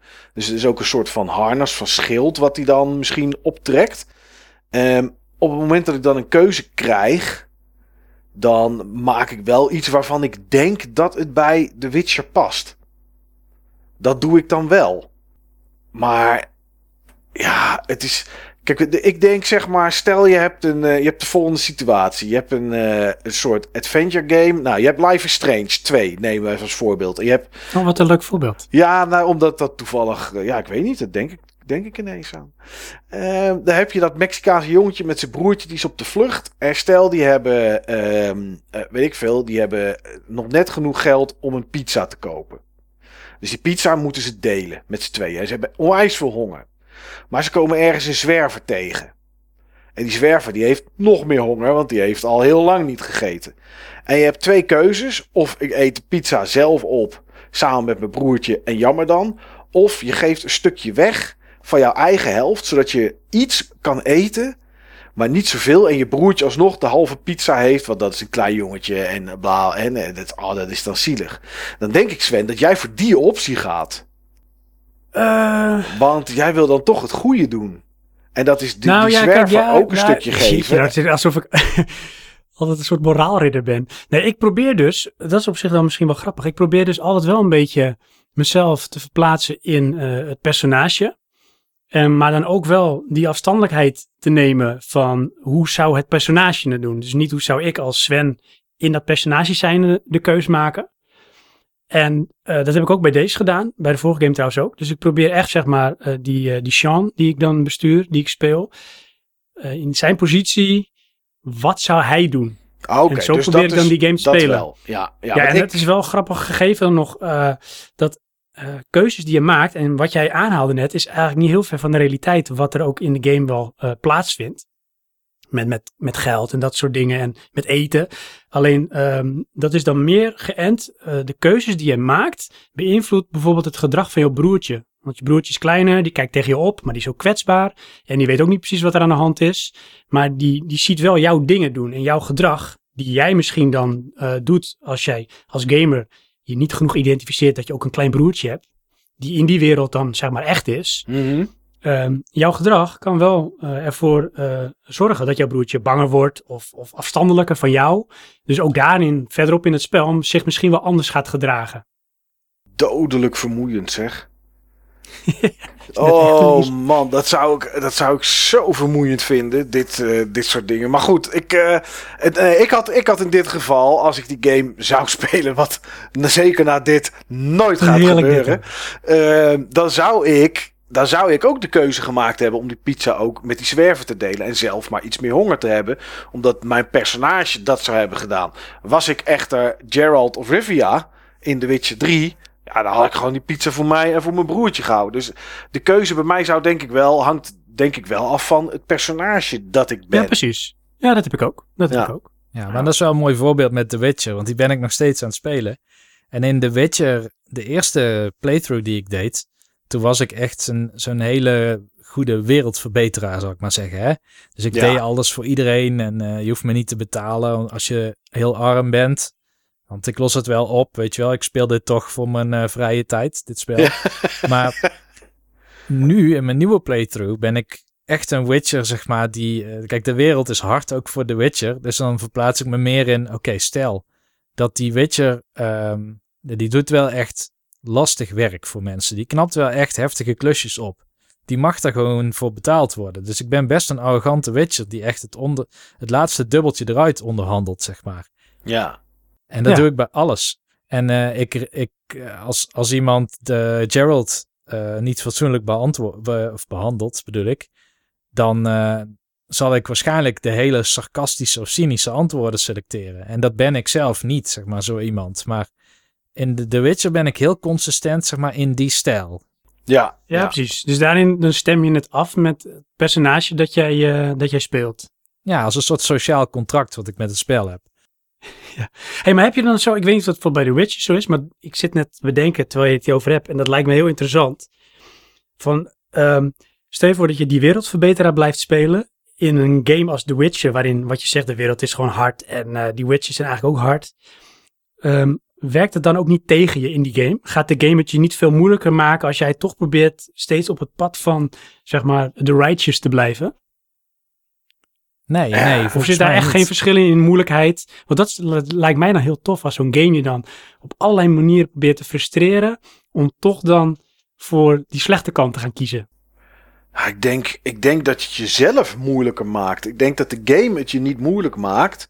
Maar dat je dat zelf doet. Want stel dat je, stel dat je 30 klussen doet waar je 100 gold voor zou krijgen, zeg maar. Maar eh, eh, 70% van de mensen zegt: Ja, ik ben eigenlijk te arm. En dan kunnen we een week niet eten. En mijn kinderen die moeten medicijnen, want die zijn ziek en weet ik veel wat.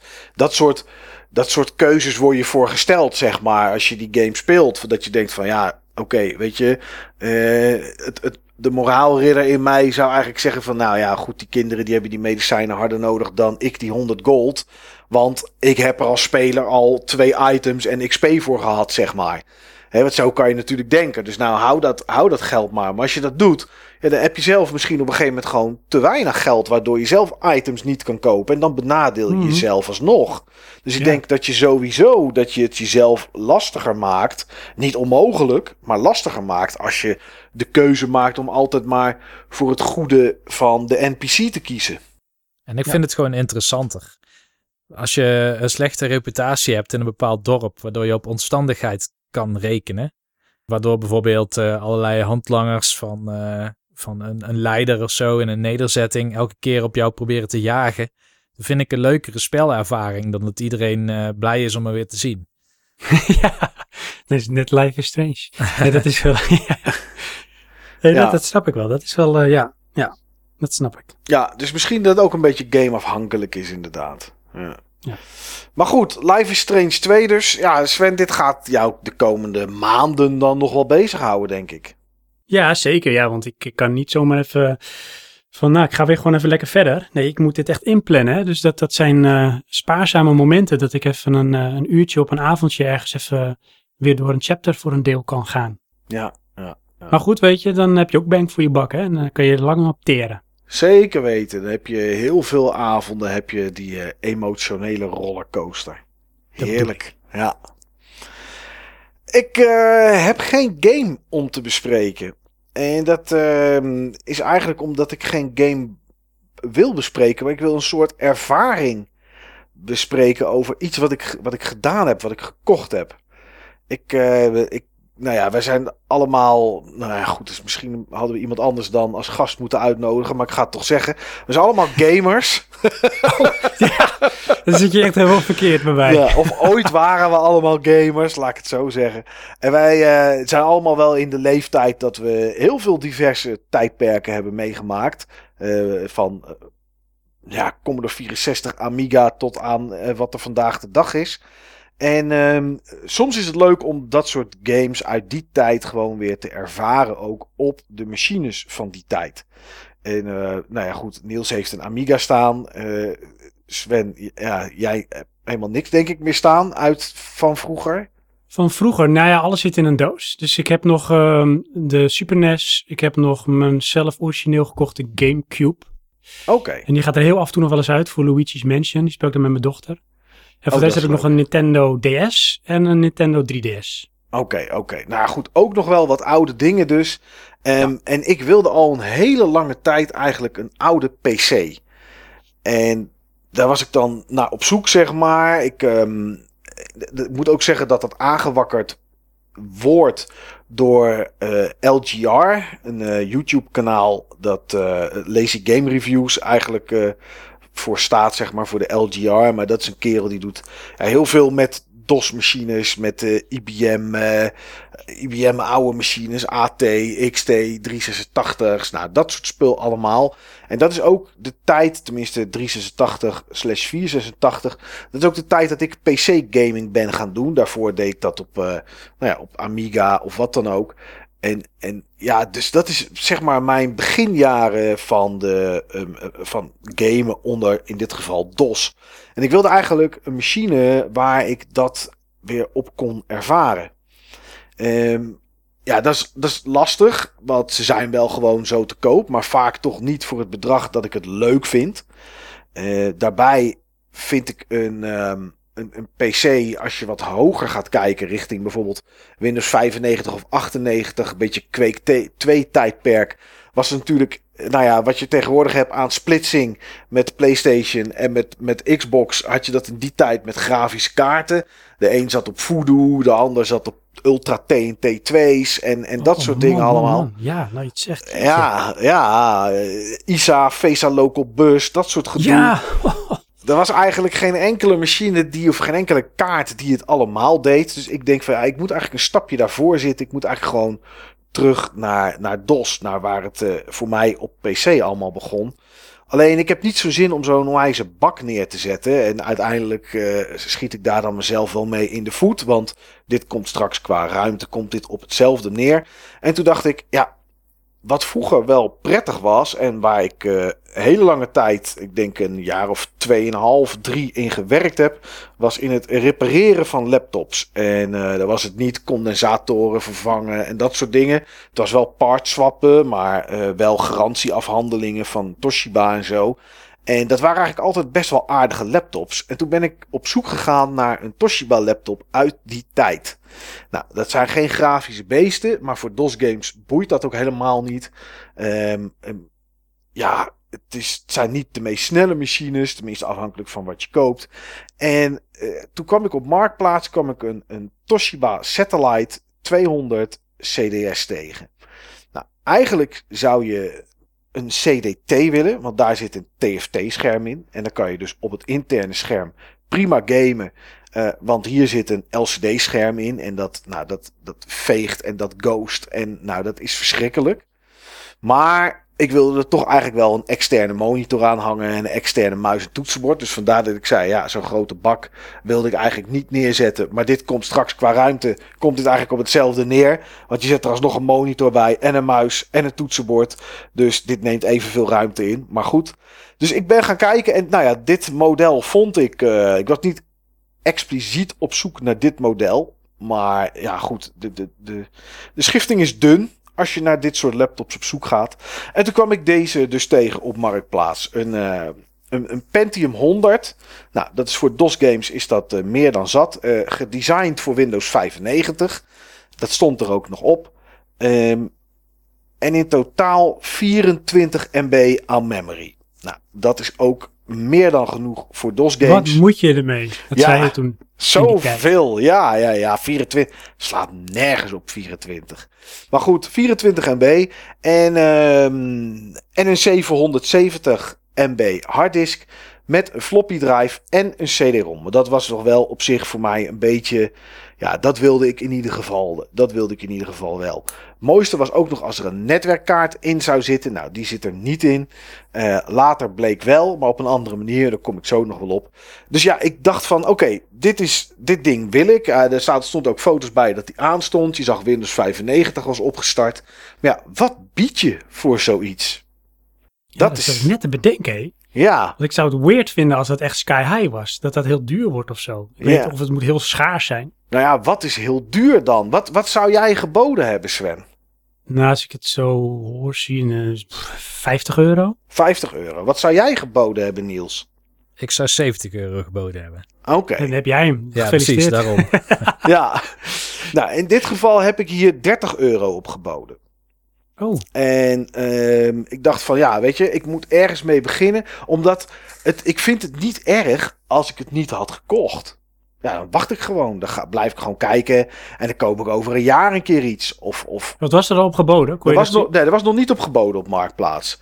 En hij stond er een dag of drie op. En toen dacht ik van, ja, weet je, eh, met verzenden erbij, weet je, dan, nou ja, dan vind ik 30 euro vind ik gewoon een leuk bedrag. Want dit soort dingen vind, wil ik dan hebben voor de leuk. Wel om ook op te gamen, maar toch voor de leuk. En eh, ja, daar bood niemand anders op. Nou ja, dan hoeft diegene natuurlijk niet te verkopen. Het is geen eBay. Ehm, of, of Katawiki of wat dan ook. Maar ja, dat deed hij dus toch. Dus na een dag of drie, vier kreeg ik een berichtje met... eh, nou, je hebt het hoogste en ook enige bod. Ehm, ja, wil je hem komen halen of moet ik hem versturen? Zeg, nou, ik zeg, doe maar versturen. Want ik vond Den Bosch een beetje ver vanuit Enschede... om voor een laptopje heen en weer te rijden. En... ehm, dus toen, nou ja, toen kreeg ik hem opgestuurd. Ehm, hij was wat, volgens mij is bij PostNL een meter bij een meter en 2 kilo geloof ik of zo is, eh, is dan eh 7 euro. En als je er qua gewicht volgens mij overheen gaat, wordt het meer. Hij zegt, ja, hij zegt, ik weet niet hoeveel ik kwijt ben, maar ik, ja, ik denk dat versturen iets duurder is. Toen zei ik, joh, weet je wat, ik leg er een tientje bij. Ik denk, hè, ik heb op zich toch een aardig, aardig, aardig bedrag heb ik ervoor betaald. Dus in totaal heb ik 40 euro betaald. Waar, eh, en toen kwam, die bij mij, eh, toen kwam die bij mij thuis aan. Helemaal netjes. Eh, voedingskabel erbij. Een externe floppy drive. Maar die is ook te verwisselen voor de CD-ROM. Daar heb je dan niet zoveel aan. Want de CD-ROM doet het niet extern. Maar het kan wel. En er zat nog een, eh, zat nog een muis zat er nog bij. met een mooie trackbal. Drie knops. En er zaten aan de zijkant. En dat is, nou ja goed. Dan moet je echt wel een beetje in dat tijdperk geleefd hebben eh, twee PC-cards in. En dat zijn PCMCA-kaarten. PCMCA, ja, precies. Daar zitten er twee van in. Helaas heb ik aan alle twee niks. Want een PCMCA-kaart... Nee, de ene is een modem, inderdaad. En die andere is een Ethernet-kaart. Alleen je moet daar wel altijd een... eh, de, de kaart is vierkant, die stop je erin. Dan zie je aan de zijkant niks, maar er zit een, een aansluiting in. En dan moet je dan een dongeltje moet je daarin, eh, moet je daarin klikken. En eh, die zorgt dan in dit geval dat je netwerkkabel erin kan stoppen. Maar die zorgt er ook voor dat, nou ja, dat de kaart überhaupt gezien wordt. Want vaak zit daar ook nog een klein stukje technologie in. Maar goed, die kaarten zitten erin. En het was wel grappig. Die kerel stuurde mij nog een bericht van... joh, hij is verstuurd, hij komt eraan. Ik zeg, nou, helemaal top. En toen zei hij nog... ik heb hem zoveel mogelijk geprobeerd te schonen. Eh, mocht je nog data terugvinden ergens die... ehm, ja, dat je denkt, hé, hey, dit hoort hier, niet, hoort hier niet. Zou je het dan willen verwijderen? Nou, mijn antwoord is natuurlijk... Tuurlijk, en ik formateer hem gelijk bij binnenkomst. Dus eh, alles gaat er toch af. Mijn echte actie is uiteraard een hele andere. Want Ja, even kijken. ja, dit Waar heeft hij het triggert. over? Ja, dit triggert natuurlijk alleen maar. Dat als je zo'n ding Kijk, dit is nou zo'n keuze van wat doe je, moraalridder? Nou, kijk, de vraag is, wat doe je? Maar wat doe je dan met wat je vindt? Ja, ja, ja, ja. Dus, eh, nou goed, ding kwam binnen, wat ik zei, netjes. Ik eh, aangezet. Nou, eh, heel klassiek. Ik heb natuurlijk in de tussen, tussentijd, sinds ik het gebruikt heb tot aan nu, heus wel eens ergens een keer een YouTube-video gezien waar Windows 95 in te zien was. Of wat dan ook. Maar nu heb je het gewoon weer echt voor je. En, en start het op en hoor je. tadaa, En dan met ruis natuurlijk in die samples, want dat was natuurlijk verschrikkelijk. En ik denk, ik denk Niels dat die kerel van jou, die zou een, een vliestrui tegen, tegen de verwarming aangehangen hebben. Om de ruis te filteren. Ja, precies. Maar bij Microsoft deden ze dat niet. En eh, ja, en dan, dan, dan staat hij voor je en dan denk je eigenlijk, dacht ik op dat moment, oké, en nu? Want ja, een console zet je aan, stop je een game in en klaar. Maar dat is met zoiets als dit, is dat natuurlijk niet zo. Dus voorafgaand aan dat ik hem binnen had gekregen, had ik alvast DOS 6.22 gedownload. De laatste versie. Nou ja, je hebt ook DOS 7, die hoorde bij Windows 95. Maar ik dacht van, nou, ik ga voor DOS 6.22. En dan krijg je het volgende. Oké, je download images, IMG-bestanden, van 1,44 MB te grootte van een flop. Nou, ik weet niet hoe het bij jullie zit, maar in mijn PC zit, ondanks dat ik hem zelf gebouwd heb, zit geen floppy drive meer. Ik heb geen PC meer. nee, hier, daar ga je al. ik Eh, heb ook geen floppy drive. Nee. Ja, maar ja, dat ding voor mij, ja, als ik, en ik wilde wel echt die machine opnieuw installeren, ja, dan moet ik toch floppies, moet ik dan gaan schrijven. Goed, even nadenken. Oh ja, op zolder heb ik een USB floppy disk. Dus die heb ik van zolder gehaald, aan mijn PC gekoppeld en die zag netjes. Voor het eerst denk ik in de hele geschiedenis dat Windows 10, zeg maar, ooit een A-drive heeft getoond op het scherm. Ik had het. ik denk dat er een berichtje naar Microsoft is gegaan. We hebben er een gevonden. ja. Iemand met Windows 10 heeft een floppy disk. Nou, dus die zat eraan. Goed. Maar dan moet je ook diskettes. Oh, jeetje, Eh, verkopen ze die nog, hè? Nee, die verkopen. Nou, dan weet ik eigenlijk niet of ze die nog verkopen. Ik denk, ik denk dat er nog wel webshops zijn die dat doen. Maar vijf jaar geleden, toen was Floppy ook al niet zo hip meer. Toen heb ik van een kameraad van mij een, eh, een, een doos gehad waar 20 doosjes diskettes in zaten, nieuw. Nog in de Nee. seal, ongebruikt, met Echt? labeltjes erbij. Ja, alles erop en eraan. Dus ik weer naar zolder, ik zo'n doosje pakken. Oké, nou mooi, deze zijn nieuw, nog niet gebruikt. Disketten erin, oké, een .img. Wat ga ik daarmee doen? Eh, nou, even googlen. Oké, hier is een util die heet write disk. Nou, mooi opstarten. Ziet de A-schijf, flopje erin, image selecteren. Tjik. Hé, hey, mooi man. Hij gaat eh floppy schrijven. Nou, alle drie de diskettes geschreven. Ja, top, doet het. Oké, wat wil ik er nog meer op? Ja, eigenlijk wil ik er een DOS-machine van houden. Dus wil ik eigenlijk wel Windows 3.11 voor workgroups. Nou, oké, wat is de allerlaatste versie? Een of andere beta-versie die ooit uitgekomen is. Want toen was het nog niet zoals je Windows installeerde. Dat er updates vooruit kwamen elke week. Ehm, dus ja, dan de, laatste versie. Oké, acht, acht of negen floppen. Ook allemaal van die IMG's. Oké, ah, dit eh, gaat wel even duren.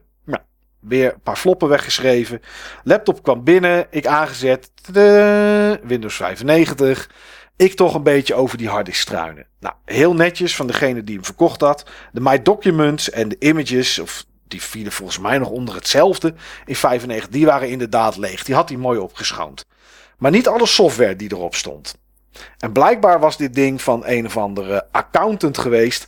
Want ik had de belastingaangifte van 1997, 98 en 99 van de familie Jansen, van de Van de Broekjes en weet ik wat allemaal. Die stonden er allemaal nog op. Met de adressen erbij, met hun inkomen, hoeveel ze moesten betalen en dat soort dingen allemaal. Oh, ook ISBN-nummer en zo. Ehm, ja, ook. Ja, dat heette, toen, dat heette toen nog anders. Dat, wat heette dat vroeger? Je Sophie-nummer. Sophie-nummer inderdaad. Dat werd later burgerservice-nummer natuurlijk. En dat is nu een... Ja. ja, dat stond er ook allemaal bij. Alles. Want dit waren gewoon... Ja, er stonden gewoon hele pdf'jes. Zoals dat eh, uitgeprint werd en naar de Belastingdienst werd gestuurd. Ja, voor Ja. de hele jonge luisteraars. Toen had je nog geen AVG in 1997. Nee, nee, Nee. dat had je niet inderdaad. Dus eh, nou ja, ik heb verder zitten speuren. Ik heb alle software die erop stond een keer opgestart. Maar het was me allemaal net even iets te zakelijk. Dus, oké, we gaan ervoor. Ding opnieuw opstarten. Flopje erin met DOS. Lezen, error. Oh, oké. Eh, error. kan de flop niet lezen. Maar ik heb hem net geschreven. Oké, dat, is, dat is raar. Oké, nou ja, goed. Eh, misschien is deze dan toch stuk. Volgende. Ja, die doet precies hetzelfde. Dat is wel vreemd. Twee floppen kapot. Mhm. Oké. ehm, oh, deze doet het wel. Oké, deze doet het wel. Dit ja, is echt zo spannend, hè? Ik zit in mijn hoofd nu echt, wat zou het kunnen zijn? ja, ja oké. ja, ik wil de- het weten. deze disc doet het wel. Maar dit is een double density en geen high density. Dus deze Oh, is... dat wilde ik net zeggen. Ja. Was het wel een HD-floppy? dus Deze is maar 27, 27 KB 27, volgens mij. klopt. Ja, hier kan maar 27 op. Maar ja, dat, dat is echt te weinig. Ja. Het zal toch niet zo zijn dat er maar een 27 disk drive in zit. Maar dacht ik, ja, dat kan toch niet, man. We hebben het over een, een laptop waar een sticker op zit. Dat die designed is voor Windows 95. Ik bedoel, was het nou een machine uit het XT-tijdperk of het AT-tijdperk, een, een, een, een 286 of daarvoor, ja, dan, dan misschien wel. Maar het kan ook niet zo zijn dat die twee floppen toevallig alle twee kapot zijn die nieuw uit het doosje komen. Ja, nou, eh, misschien toch wel. Ja, en dat was het dus. Eh, dat heeft me sowieso een paar uur gekost, want dan ga je andere floppen halen boven. Nou, die floppen die waren helemaal beroerd. Had ik nog ergens... Oh eh, jeetje. ja, dus ik ben onwijs bezig geweest. Trap op, trap af, weet ik wat allemaal. Uiteindelijk had ik dus, had ik dus van de vijf floppen die voor me lagen, had ik er twee die goed waren. Oké, nou dan is DOS installeren met die twee floppen is niet zo'n probleem. Want DOS is drie floppen, dus dat kan je wel om en om doen. Maar ja, toen ging ik dus Windows 3.1 installeren. Dat waren er acht of negen.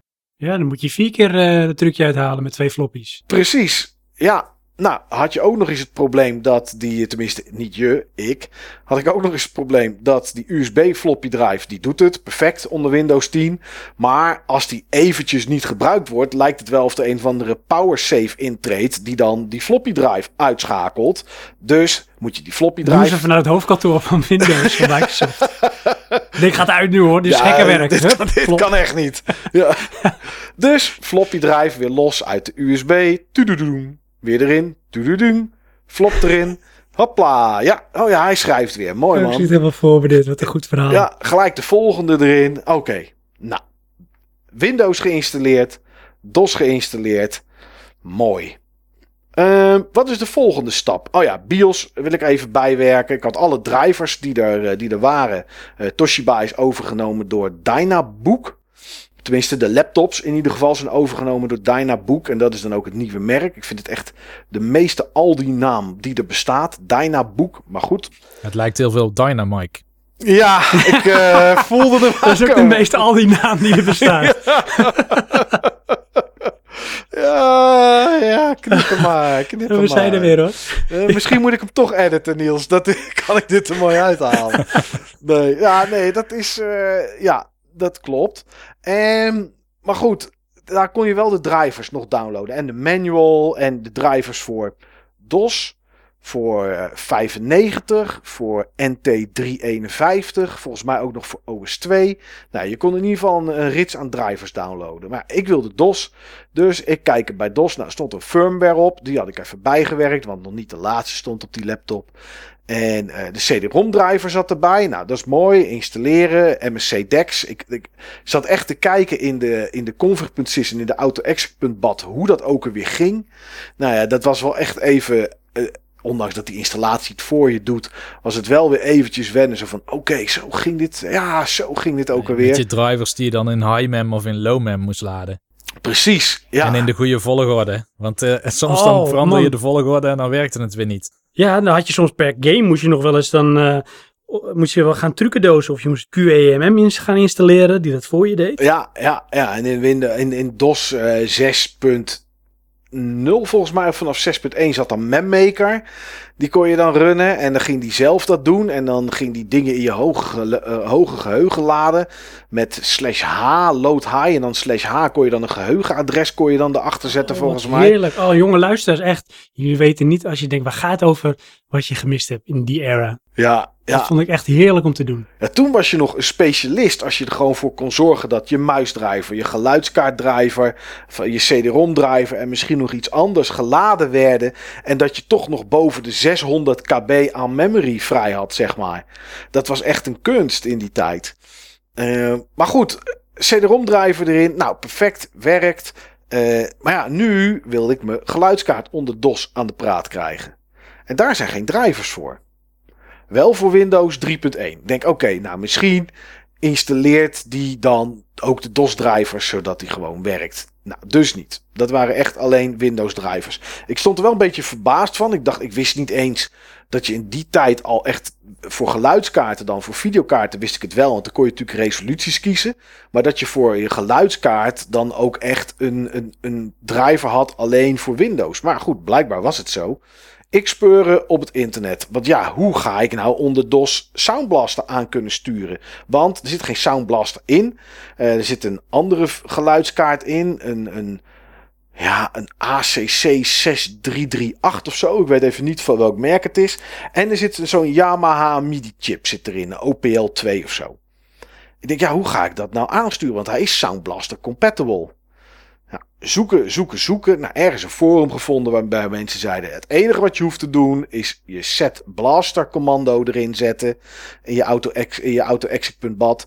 Set blaster is A220 I van je interrupt en dan de D Ja. van je DMA kanaal DMA. Ja. Och, man. en dan ben je er. Ja, goed, oké, Wat mooi. Maar ja, hoe weet ik wat die settings zijn? Want als je een PC vroeger, tegenwoordig als je een PC bouwt, heet het gewoon een PC. En is het een krachtpatser en weet ik veel wat. Als je vroeger een PC bouwde met onderdelen, dan was het een kloon. Dan was het echt een afdankertje, dus dat werd altijd een kloon genoemd.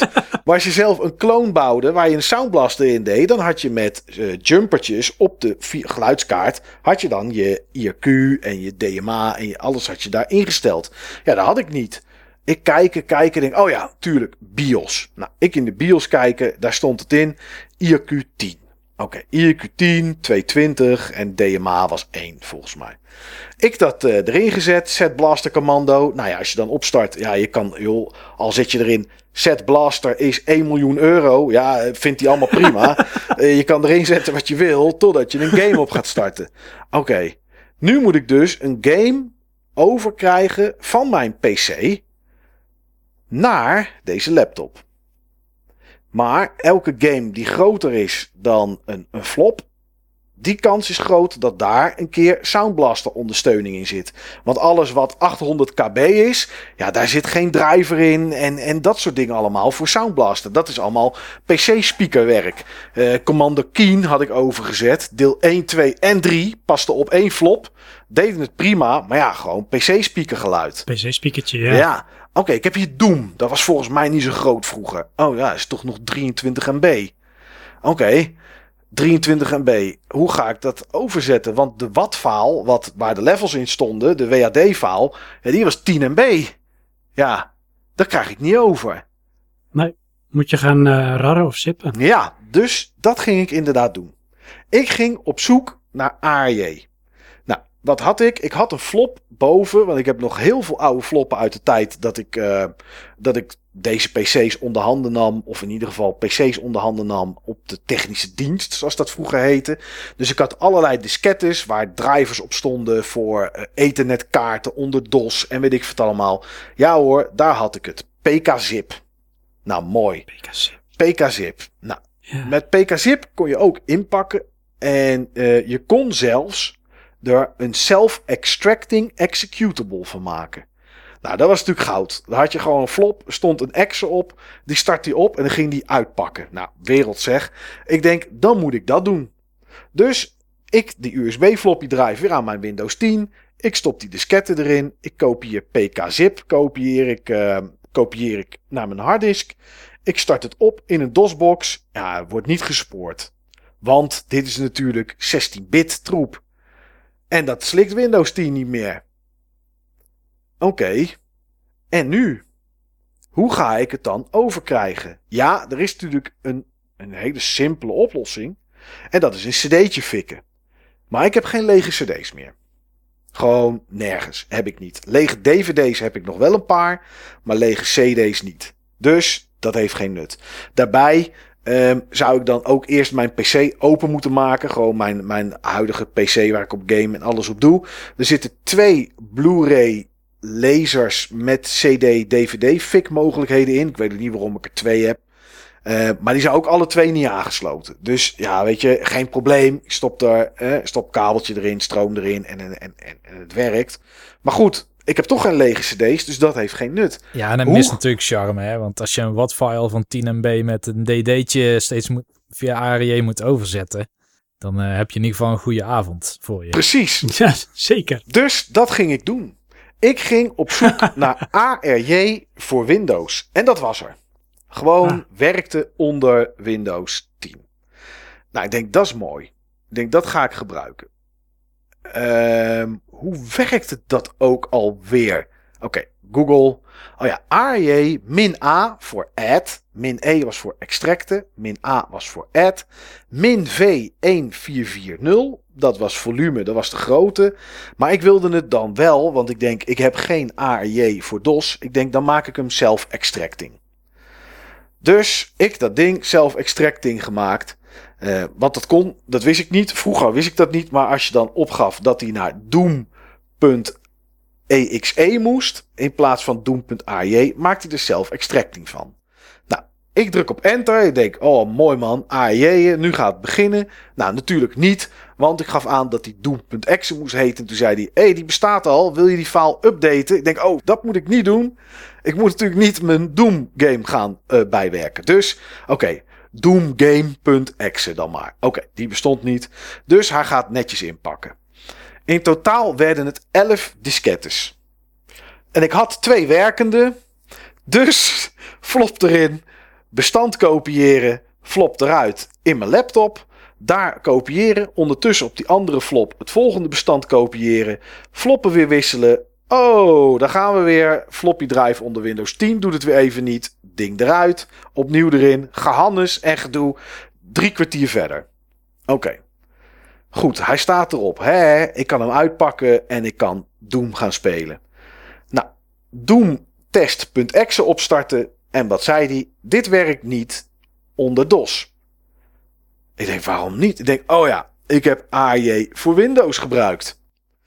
Nou goed, eh, op dat moment had ik Windows nog niet geïnstalleerd staan. Dus ik Windows geïnstalleerd. Ik start het daarop.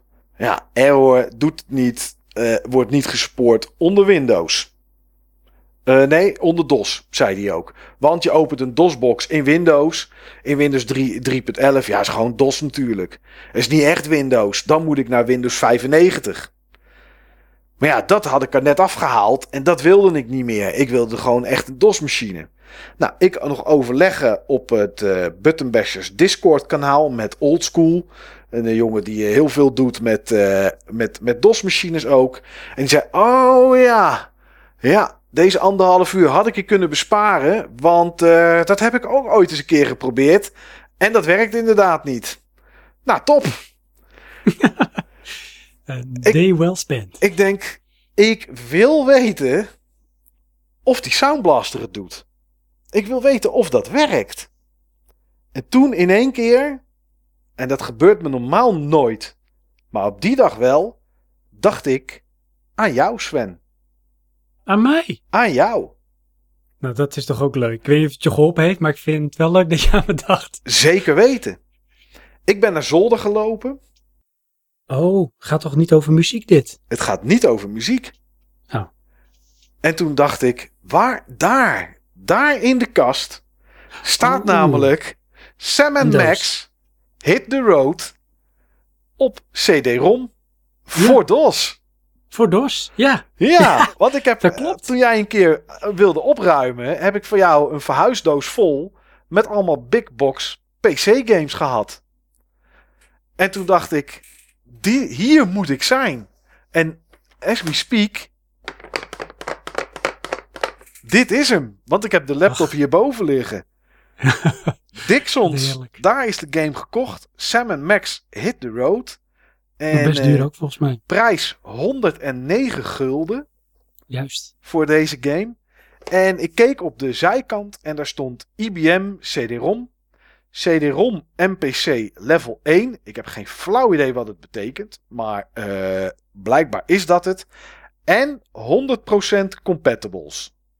MS-DOS 5.0. Ik dacht mooi, dat heb ik. Want ik heb 6. En higher. En een 386 33 megahertz or higher. Ik denk dat is mooi. Dat heb ik ook. Ik de CD eruit gehaald, erin gestopt. Ik denk, nou komt er natuurlijk een mega lange installatie. Maar man, man, man, LucasArts, wat zijn die goed? Je draait namelijk de setup. Hij maakt een, eh, een directory aan op je harddisk in de root. En daar zet hij twee hele kleine bestandjes neer van de configuratie.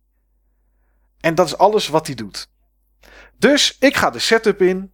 En eh, nou, daar kon ik geluidskaart kiezen. Oké.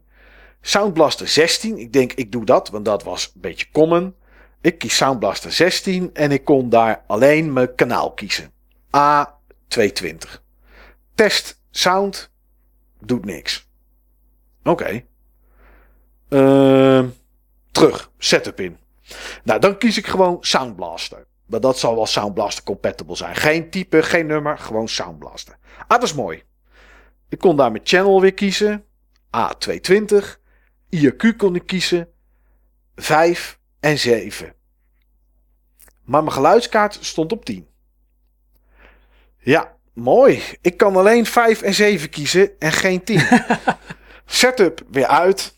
Ik naar de BIOS. Nou, naar mijn geluidskaart. Daar kon ik hem veranderen naar 7. Maar ja, dan zat hij op hetzelfde als mijn LPT-poort. Mijn printerpoort. Nou, ik de printerpoort aanpassen. Die kon dan naar 5, maar dan werd het wel LPT2. Want LPT1 Oei. kon alleen met 7. Ik denk nou, weet je wat ik lekker doe om het makkelijk te houden? LPT-poort disabelen. Ik ga er toch geen printer aan hangen aan mijn parallele poort. Oké, nu zit hij op 7 en 220 en DMA 1. Nu gaat het op zeker werken. Machine herstarten. Setup in van Sam Max. Ik kies voor Sound Blaster 220, IRQ 7 en eh, DMA kanaal 1. Test sound. Ah, werelds. Er komt geluid uit. Oké, Oh, wat mooi Nou, dit. dan kan ik ook music doen. Nou ja, goed, daar kon ik alleen een, een, kon ik alleen een, een kanaal voor kiezen. Dus weer 220, dat stond standaard in. Ik druk op test music en ik hoor muziek. Ik denk, nou, geweldig zeg. Ze hadden gewoon gelijk op dat verdraaide internet. Je hoeft geen drivers te hebben voor DOS. Die set blaster is voldoende. Want de drivers zitten voor de rest dus in de games. En dan keek ik naar Doom en naar een paar andere games. En dan zag je inderdaad vaak foldertjes staan voor Sound Blaster drivers. Ik denk, nou, dat is mooi zeg. Oké, setup, opslaan, game opstarten. Ah, het is wel een beetje stil. Oké, ik zit in het hoofdmenu, Sam Max, het beweegt. Ik hoor geen muziek. Maar misschien zat er geen muziek in het menu. Ja, dat kan natuurlijk. Oh ja, play music files staat daarbij. Dat je de muziek uit de game kan spelen. Ik naar het menu. Ik druk op enter. Ik kies een muziekstuk. Ik druk nog een keer op enter. En niks. Maar toen heb ik hem uitgezet. En was ik het na twee dagen wel even zat. Kan ik je vertellen. Het DOS-avontuur. Twee dagen. Het DOS-avontuur is superleuk en ik ga er 100% mee verder. Maar op dat moment was ik er wel heel even klaar mee. Het is een enorm gepiel, omdat je, eh, ja, je zit met de overdracht van data. Gewoon. En Ja, dat is natuurlijk vervelend. ja, had ik nog lege cd's liggen, dan had ik, ja, dan had ik gewoon 700 MB aan, aan DOS-games gebrand, overgegooid en klaar. Want kijk, als, als die Sam Max, en ik had het er met jou nog over Niels, toen zei ik van het enige wat ik nog kan bedenken, is dat er misschien op de cd van Sam Max, dat de muziek eh, echt audio is en dat hij dat niet af kan spelen. Maar toen zei hij nog van ja, volgens mij was het MIDI, omdat de muziek veranderde, zeg maar, tijdens het spelen. En dan was het wel dezelfde melodie, maar de instrumenten veranderden. Dus Maar er zitten ook tracks op die cd, dat weet ik zeker. Want er wordt ook eh, in gezongen. oké, nou misschien is het dat dan. Want het raar is dat de setup, die doet MIDI afspelen en dat doet het wel. Dus, ehm, tenminste, er staat bij test music. En dan hoor ik muziek. Dan ga ik ervan uit dat het MIDI is. Maar volgens mij zie je ook in de setup ergens ook zoiets. Dus ja, de, de vraag is of mijn setup nu qua auto-exec.bat en dat soort dingen, of die compleet is. Ik heb nog geen muisdriver, moet ik zeggen. Dat moet ik nog doen. Het is een, eh, er zit een PS2-poort achterop, maar die is voor keyboard en muis tegelijkertijd. Dus het is één poort die beide is. Nou weet ik dat er kabeltjes zijn om dat te splitsen, maar die heb ik niet. Dus daar moet ik nog naar op zoek. Het mooiste is ook als ik nog een PCMCIe, maar dan wel PC-card versie, dus dat is versie 1, eh, netwerkkaart kan vinden. Maar wel het liefst met DOS-drivers. Ehm, al is daar TCP/IP weer lastig voor, dus dan maar Windows-drivers, zodat ik ja, over mijn netwerk heen iets kan benaderen. Want ja, ik, ik heb op mijn harddisk een, een archief van 500 GB plus aan oude DOS-games staan. En dan kan ik ze niet allemaal overgooien, want dat haal ik niet. Maar ehm, ja, een aantal games zou ik toch wel over willen hebben om, om nog eens te spelen weer op DOS. Want daarvoor heb ik hem, hè, heb ik hem natuurlijk gekocht. Dus er zit nog zoveel werk aan om het eigenlijk te krijgen waar ik het wil hebben. En dan als ik dat kabeltje heb om muis en toetsenbord te splitten, moet ik nog kijken of ik überhaupt nog een PS2 toetsenbord heb.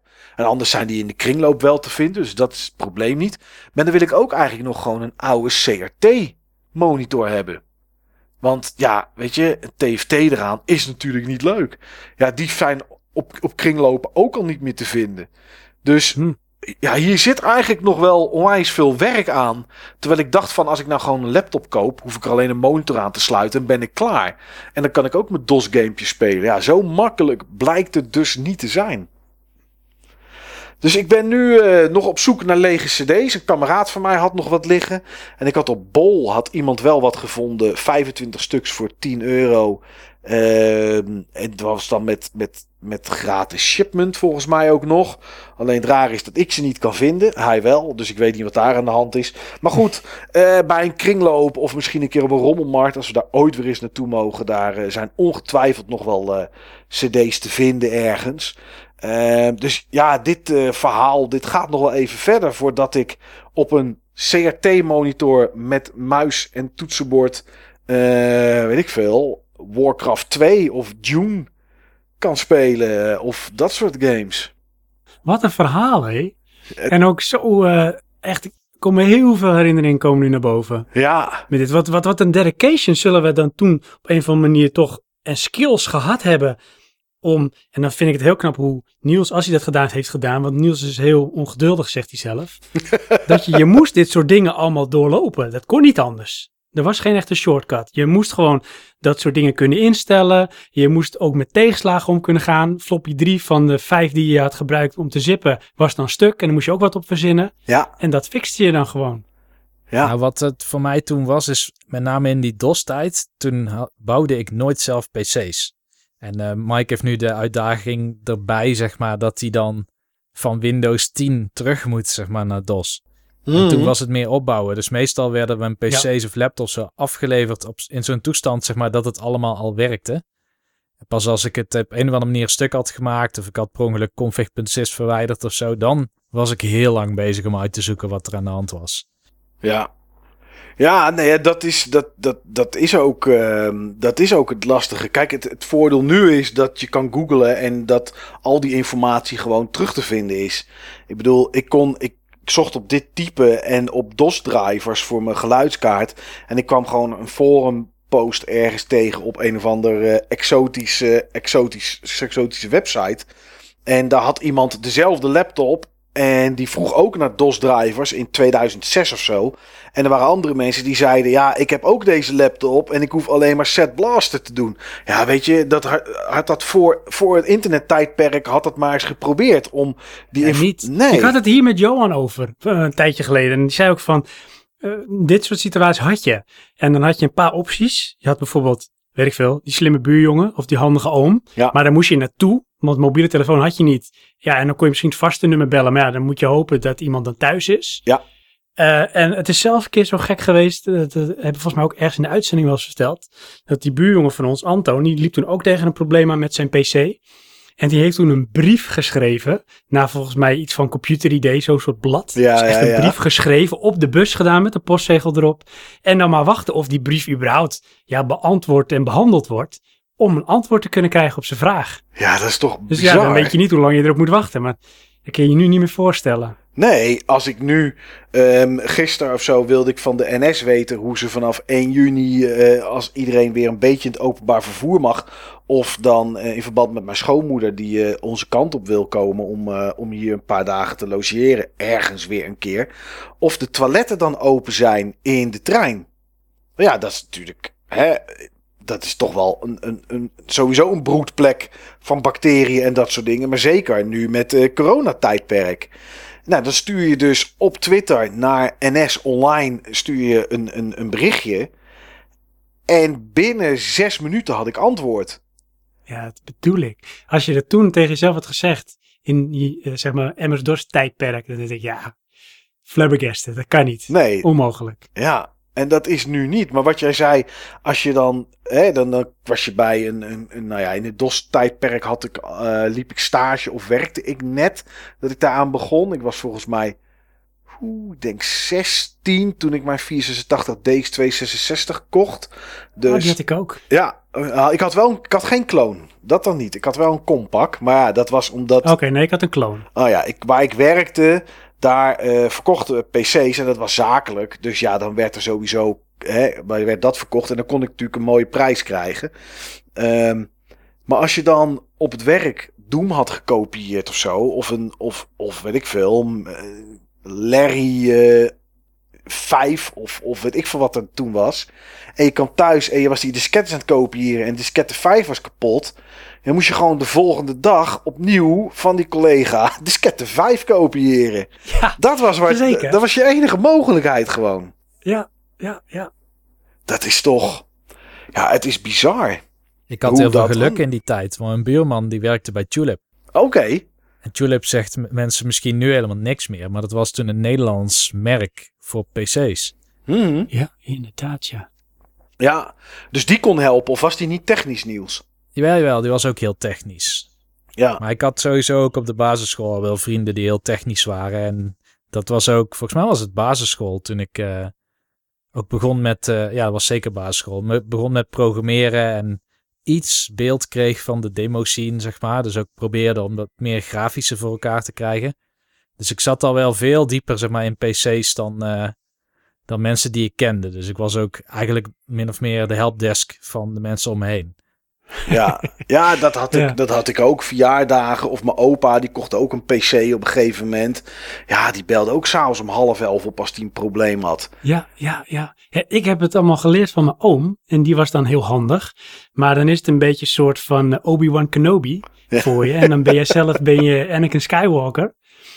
En op een gegeven moment dan overtref je de meester. Hè? Want eh, ik met, met name toen met Anto, mijn buurjongen, alles proberen uitzoeken. Wat tips van mijn oom. Maar op een gegeven moment heb je het door. Ja, En dan ga je ook wat je wil weten. Je wilt dingen proberen. Ga je van alles uitproberen.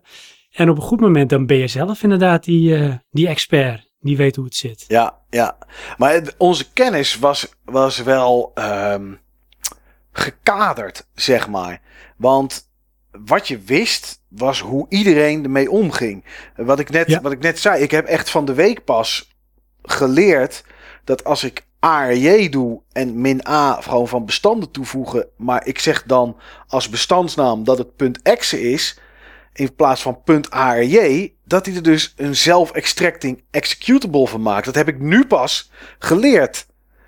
Terwijl dit is echt gewoon, ja, wat is het, weet ik veel, eh, uh, 1922. 92, 93 of zo dat we dit soort dingen deden. Maar omdat iedereen in mijn omgeving ARJ, spatie A, min V was voldoende deed, ging je eigenlijk ook niet verder kijken. Ja, als je een keer per ongeluk ARJ intikte en je drukt op enter, kreeg je een heel scherm vol met allemaal regels en opties.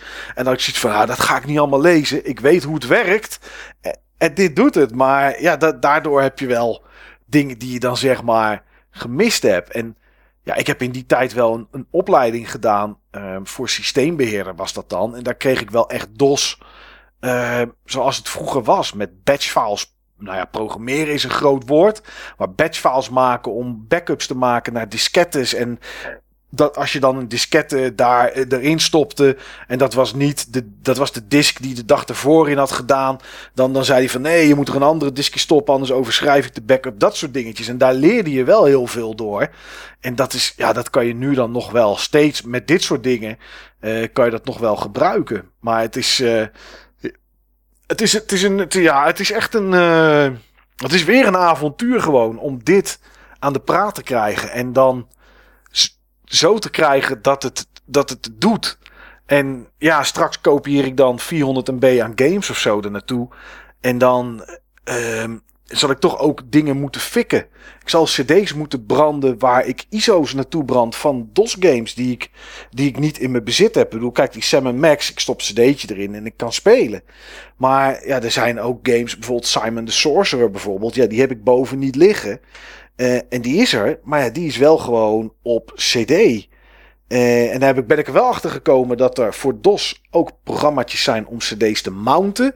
Dus dat je Ja. gewoon net zoals onder Windows. Dat maar ja, ook op goed. een gegeven moment. Ja, op, onder DOS bedoel je? Nee, dat deed ik onder, Onder Windows. DOS. Onder DOS heb ik dat nooit gedaan. Ja, onder DOS kan het ook. Oh. Alleen ja, als ik er een ISO op zet van 700 MB op mijn harddisk van 770 MB. ja. Ja, eh, kan ik hem wel leuk mounten, maar kan ik er helemaal niks mee. Nee, nee. Dus dit, dit wordt nog een, een gestuntel en gedoe. Maar ik eh, ben vast beraden om, eh, om ervoor te zorgen dat alles het gaat doen. En ja, of die audio van die Sam Max CD het gaat doen, ja, dat weet ik niet. Maar misschien moet ik gewoon een keer op play drukken en kijken wat ik dan in ieder geval allemaal krijg.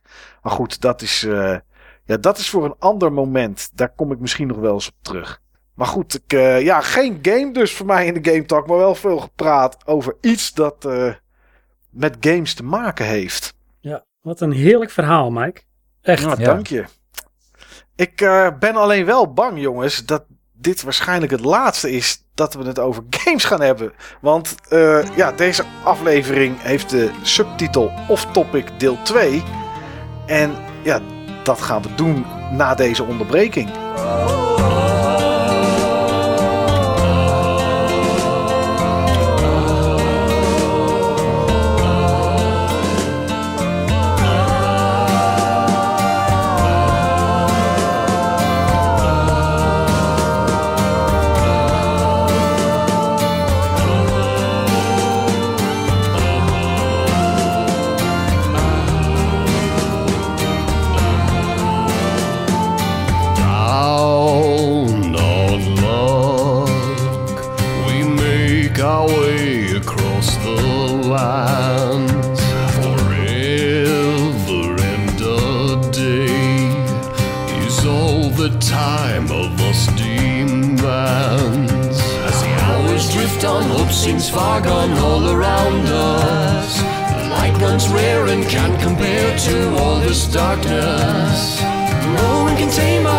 Of shame, it's all that we know. Memories of all those things drift through all that we sow. You know, a brighter day is just around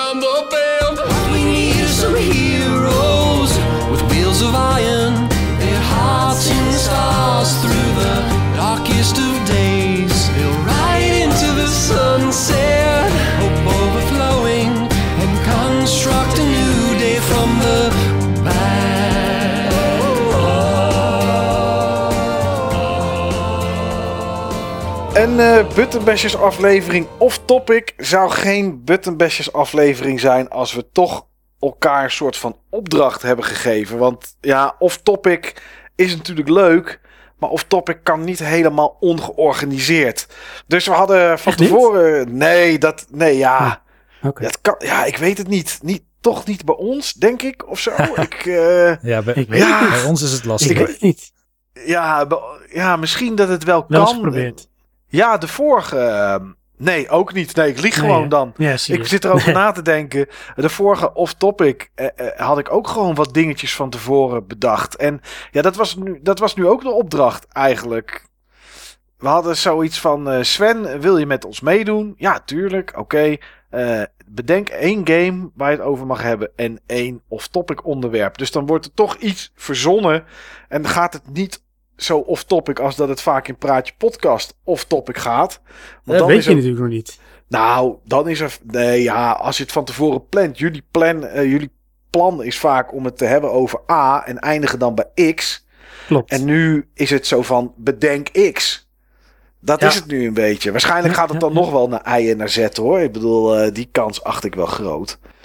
Ehm, ja, ik vind het eigenlijk wel apart om nu iemand het woord te geven. Want dan wordt het toch heel georganiseerd. Ja, maar ik was ook zo benieuwd hoe dit nou zou gaan verlopen. ja, Want jullie hadden het zelf al gezegd, de vorige off-topic. Ik heb daar toen volgens mij ook op gereageerd. Want ik vond het een Ja. hele leuke aflevering. Maar ik vond hem helemaal niet zo off-topic. Ik vond hem meer ehm unscripted. Want Ja. jullie hebben volgens mij besloten van we gaan gewoon opnemen. En ehm, ja, dan gaan we gewoon over wat dingen hebben. Wat je misschien wel een beetje had voorbereid. Maar ik vond het meer unscripted dan eh, off-topic. Want off-topic inderdaad is, eh, het neemt zo'n wending dat het over, eh, weet ik veel, punniken en borduren gaat in plaats van games. Ja, nee, dat ben ik, ben ik volledig met je eens. Kijk, nou zijn onze afleveringen toch wel redelijk non-scripted. Tenminste, van mijn kant uit. Normaal gesproken. Eh, ik heb wat kleine notities waar het over moet gaan. En als we een hoofdonderwerp hebben. waarbij we misschien een lijstje hebben. of hidden gems of wat dan ook. dan heb ik wel de naam staan. en waarom ik het een hidden gem vind. Maar dat is het dan voor de rest ook. Om maar eventjes een onderwerp te noemen. Maar eh, ja, dat, nee, daar heb je gelijk in, eh, Sven. Dat was natuurlijk. dat was natuurlijk. Ja. Het, ja, het was unscripted. Maar dat is het meeste wel. Maar. Ja. Ja. Hey, ik, het, eh, ik eh, ga ook maar meteen eh, off-topic, of in ieder geval improviseren. Ja. En in- zingen? In het improviseren zeg ik, eh, ik breng geen onderwerp aan voor de off-topic. Oké. Ja, oh, wat, maar dit is leuk. Want weet je wat het is? Ik denk, nou, ik had een beetje in mijn hoofd natuurlijk een idee van hoe gaat dit verlopen. Want die jongens die doen natuurlijk wel een beetje hun huiswerk. En eh, die nodigen hem ook uit. Met een reden. Maar dan toch, ik denk die hebben toch wel zoiets van, nou, allemaal lekker onderwerpje klaar. Ik heb mijn eh, pc-schermpje voor me of mijn laptopje. En eh, dan eh, krijgt iemand als eerste het woord. En dan verwacht ik, dan gaan ze aan mij vragen, omdat ik de gast ben. Van, nou Sven, wat is jouw off-topic topic? Ja. Maar dat gebeurt dus nu al niet, dus ik ben al helemaal van mijn padje af. ja, ik wilde sowieso jou niet als eerste laten gaan. Maar dat heb je zelf in de, hand in de hand gewerkt. Omdat jij van de week aan mij vroeg. Jullie kunnen wel een beetje tegen een stootje. Toch?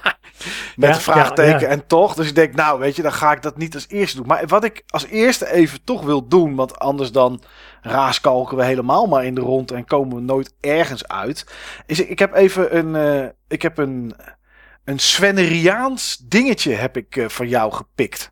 Oh, heb je een rubriekje? Of een quiz? Nou, eh, nou eh, toen ik ehm, vorig jaar augustus, september, ik denk dat het september was, was ik natuurlijk bij jou te gast in de, in de achtertuin samen met, met Johan. ja. En daar hebben wij een soort Ask Us Anything-achtige ehm, achtige uitzending gedaan. En toen had jij voor mij wat eh, vragen die, eh, die je ging rapid-firen. Oh ja. Och, man, man, ja. En dat waren keuzes eh, van wat, is het, wat komt er in je op als eerste en wat doe je? Ja, dus niet te lang bij stilstaan. Niet te lang bij stilstaan. Vanuit de heup antwoord geven. Precies. En je had toen natuurlijk, want hè, ondanks dat je dan heel eh, non-conformistisch bezig wil zijn en weet ik wat allemaal, had je wel precies tien vragen. Nou, hè, hoe conformerend dat is wil weer je de zijn? autist in mij. Ik ben een non-conformist, maar ergens ook wel een autist. Ja, nou, ik heb er vijf. Hij heeft er weer vijf. Oké. Ik, ik heb En waarom, vijf. Mike? Mag ik dat vragen? Ja, omdat ik eigenlijk dacht, dit vind ik er genoeg. Oh ja, ja, dat vind ik, Op- dat past wel bij je. Omdat ik aan de hand van, ehm, van één vraag, en dat is de laatste, toch nog wel een, een, een paar andere dingen zijn die ik nu eindelijk eens een keer wil weten, zeg maar. Dus Ik ga er Dus- even voor zitten. ja, dus de vraag is, ben je er klaar voor? Het duurt niet lang, maar ja, dat is misschien toch een mooi om even mee eh, te beginnen. Oké. Nou, Ben je er Prima. klaar voor? ik eh, weet niet of ik er klaar voor ben, maar ik ga het gewoon ondervinden. Oké, we hebben geen jokers, we hebben niks, geen... geen Oh, echt niet? Geen escapes? Kan ik niet Nee. Niels helpen als een hulplijn inschakelen? Ja, Niels, Niels kan hier geen dingen voor kiezen oh, bij jou. oké. Nou, de eerste is, is simpel. Mijn favoriete vakantiebestemming is... Thuis, Oud en nieuw vier ik het liefst met ouders of met vrienden. vrienden. Welke van de twee? Oké. De laatste keer dat ik dronken was, was... Dronken, maar echt bedoel je aangeschoten of dronken? Dronken. Jeetje, nou dat is echt jaren geleden geweest. In mijn achtertuin van het vorige huis. En toen ehm, heb ik, ik weet niet of ik u ook nog mag uitleggen of moet ik gewoon antwoord geven van... ja, eh, nou ja, leg maar even uit, joh. Oké, nou met eh, vrienden en het is wel leuk dat eh, eh, Frank, en eh, die luistert ook vaak naar de uitzending, die is ook twee keer in de uitzending geweest, Frank Busman. Ja. En eh, Bas, eh, de- wij gaan met z'n drieën vaak barbecuen en dat doen we het hele jaar door en dan om de zoveel tijd bij een van ons.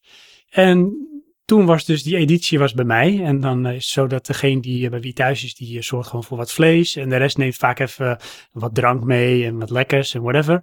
Maar het was een hele leuke avond, vuurkorfje aan, eh, papiertjes op en dan meestal oplopend in, in alcoholpercentage. Dus nou, hè, zeg maar, de, drank zit goed in de man. Het wordt steeds gezelliger en lu- luidruchtiger.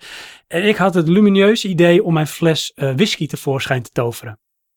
En eh, dat was Glenmorangie, weet ik nog heel goed. Want ik had toen een beetje een fase, zoals ik wel eens vaker fases heb, dat ik ineens iets heel interessants vind. En dat was toen whisky drinken.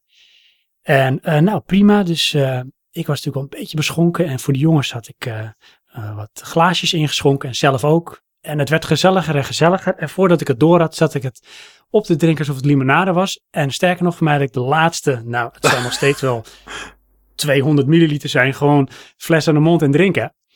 En ik heb staan dansen op tafel, denk ik. En eh, het gekke is, die jongens zijn op een gegeven moment dus ook naar huis gegaan. Het feest was voorbij. Ik weet ook niet meer hoe ik ergens terecht ben gekomen. Het enige wat ik weet, dat de volgende dag werd ik wakker op zolder. Oké. Eh, ik was nog steeds dronken voor mijn gevoel, echt dronken. En toen heb ik mezelf naar beneden gekropen. En ik had heel veel hoofdpijn. En toen ben ik in bad gaan liggen.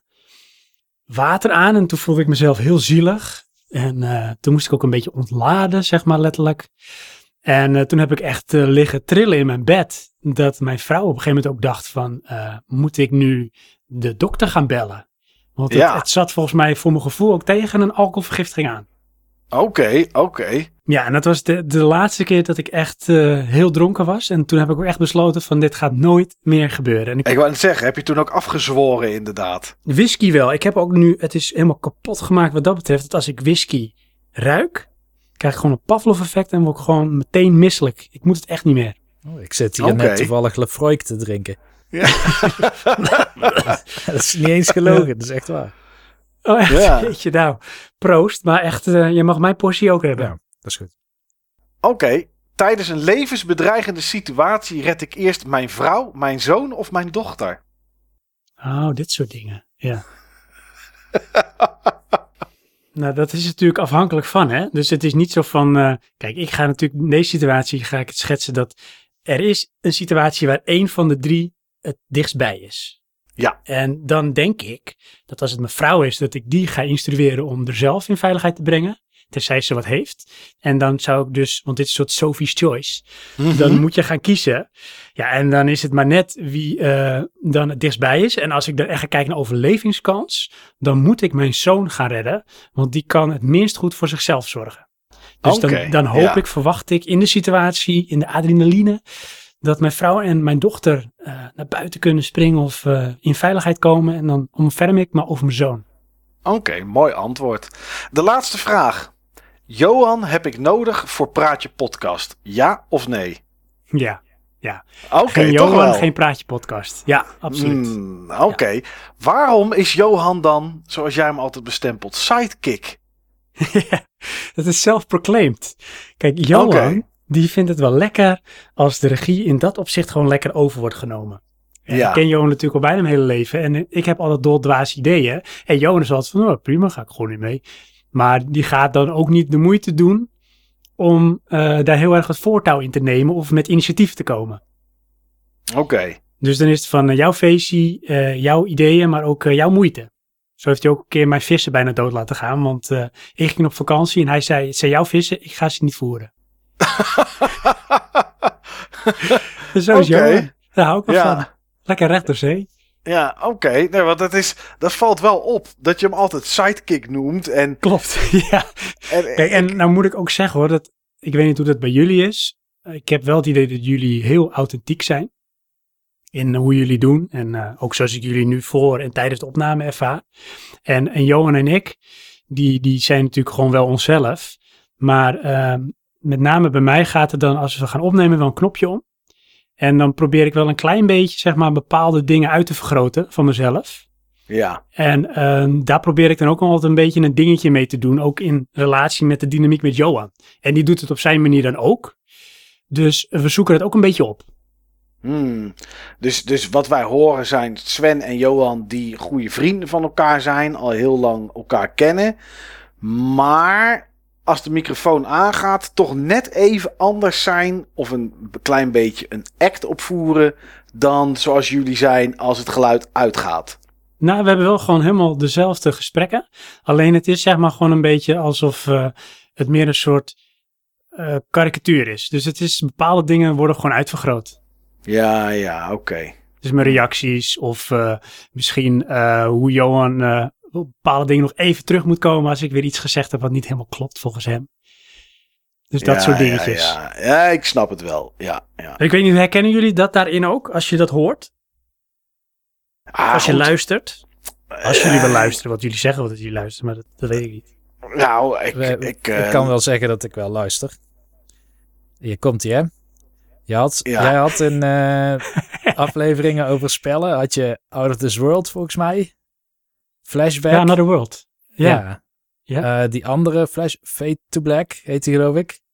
Ja, die had ik benoemd, maar niet gekozen, Oh, klopt. Oké, dan heb ik die verkeerd onthouden. Mario 64 zat erin. Ja. Eh, Metroid Prime. En Ja, dan vergeet ik er dat dus kennelijk één. Eh, het was volgens mij eh, Journey. Journey, inderdaad, ja. Ja, Ja, ja, ja, ja, ja. Nee, ja, ik, nou, jij kan zien of ik luister, want ik luister bijna altijd via Soundcloud. Ja, dat is waar. Ja. Dus je weet dat ik luister, want ooit een keer tijdens jullie live-uitzending was ik eh, verkozen tot persoon die het meest luisterde. ja, dat klopt. Nog Ja. steeds volgens mij trouwens. Ja, ik heb toen ook uitgelegd dat daar een vuiligheidje aan zat. eh, met autoplay, wat Soundcloud dan doet van gelikte tracks. Maar Ja. goed, het, eh, het, het klopt inderdaad wel. Nee, hij luistert wel. Maar kijk, het is voor ons lastig te beoordelen. Omdat wij natuurlijk niet als vlieg op de muur zitten op het moment dat jullie bij elkaar zijn en de microfoon niet aanstaat. Dus Nee. dat is voor ons lastig te... Be kijk, ik, ik weet hoe, hoe het is eh, toen ik bij jullie was. Ik weet hoe het was toen ik... was het januari of zo? Ja, afgelopen januari een keer bij jou was s'avonds. Toen ik die, eh, die, die soundbar kwam brengen. Dat mooie verhaal. Oh, heerlijk, ja. Ja, met je Dank tv en daarvoor. ik, met je tv omruilen. ja En, eigenlijk eh, had je mij gewoon naar Den Bosch moeten sturen, joh. Voor die laptop. Ja, Ja, dat- van dat doe je het maar even terug, vriend. ja, ja, met gelijke munt inderdaad. Ja. Nee, dus, dus ik weet hoe je dan bent. En, en dus ja, weet je, maar dat is voor ons natuurlijk niet. Maar het klinkt in ieder geval niet onnatuurlijk. Nee, dat is het ook. Want dat moet het ook niet zijn. Hè? Want, en dat hou je ook niet vol. Zeker niet vijf jaar. Maar eh, ja, je gaat toch eh, ergens proberen misschien wat nadruk meer te leggen op bepaalde dingen. Ja, ja, ja. Maar als Johan nou zou stoppen, hè? Zou Ja, je dan, stopt, nog wel... eh, dan stopt Praatje Podcast. Maar krijgen we dan eh praatje solo? Of stopt het dan helemaal voor jou? Nou, ik moet zeggen dat ik daar wel eens over nadenk. Niet van, Ja. ga ik dat dan doen, maar wat ga ik dan doen? Ja, En het, ja, het eerlijke antwoord is dat ik dat niet weet. Want ik weet hoe jullie dat hebben. Jullie nemen het ook best wel consequent op. Maar ik heb wel eens periodes, eh hiaten of door omstandigheden dat er gewoon niet opgenomen wordt. En ehm, ja, dan op een gegeven moment eh, zit de slakker ook, eh, of hoe noem je dat, zit er een beetje in. Ja. Dus dan heb ik ook meer moeite om weer op te starten. En ik kan me voorstellen als het stopt, dat ik in eerste instantie denk van nu eventjes niet. En is de kans heel groot dat er iets anders op mijn pad komt, wat niks met podcasten te maken heeft, wat ik ook leuk vind. En eh, dan verdwijnt het misschien wel. ja, ja. Dan ga je misschien een, eh een zoutwater-aquarium houden opnieuw. Dat is zoiets. Maar ik moet zeggen, Ja. zoals Mike Minutes, zoiets, dat lijkt me dus ook heel tof. Maar dan zou ik het doen rondom films. Ja, ja, dat snap ik. Ja, ja, ja want het, het, om het te doen wat je nu doet, maar dan in je eentje, zeg maar, dat gaat niet. Nee, is- nee, dat lukt niet. Nee, want ik, dan ga ik grappen tegen mezelf zeggen en dan ga ik rubriekjes doen. Ja, hoe leuk is dat? Niemand die antwoord geeft. Praatjes voor op een feestje als je alleen bent, krijg je Ja. dan. Dan zegt het een sneuwe editie, dat kan niet. Ja, Wat, wat, hoe was dat dan voor jou? Want jij hebt natuurlijk Mike's Minutes gedaan. En ik weet niet, Ja. Niels, of jij ook wel eens solistisch iets hebt opgenomen eh, en uitgegeven Nee. qua podcast. Nee. Maar je moet natuurlijk best wel een soort monoloog eh, eh, op gang houden. Dat lijkt me zo moeilijk. Ehm, ja, dat viel me eigenlijk wel mee. Kijk, ik had natuurlijk, ik nam, ik ging uit van een half uurtje, maar als het korte worst, kort, korte worst, nee. Korte Als het worst. korte, ja, korte worst. Heb je die, die Als het- Aldi Mike weer met zijn korte worst.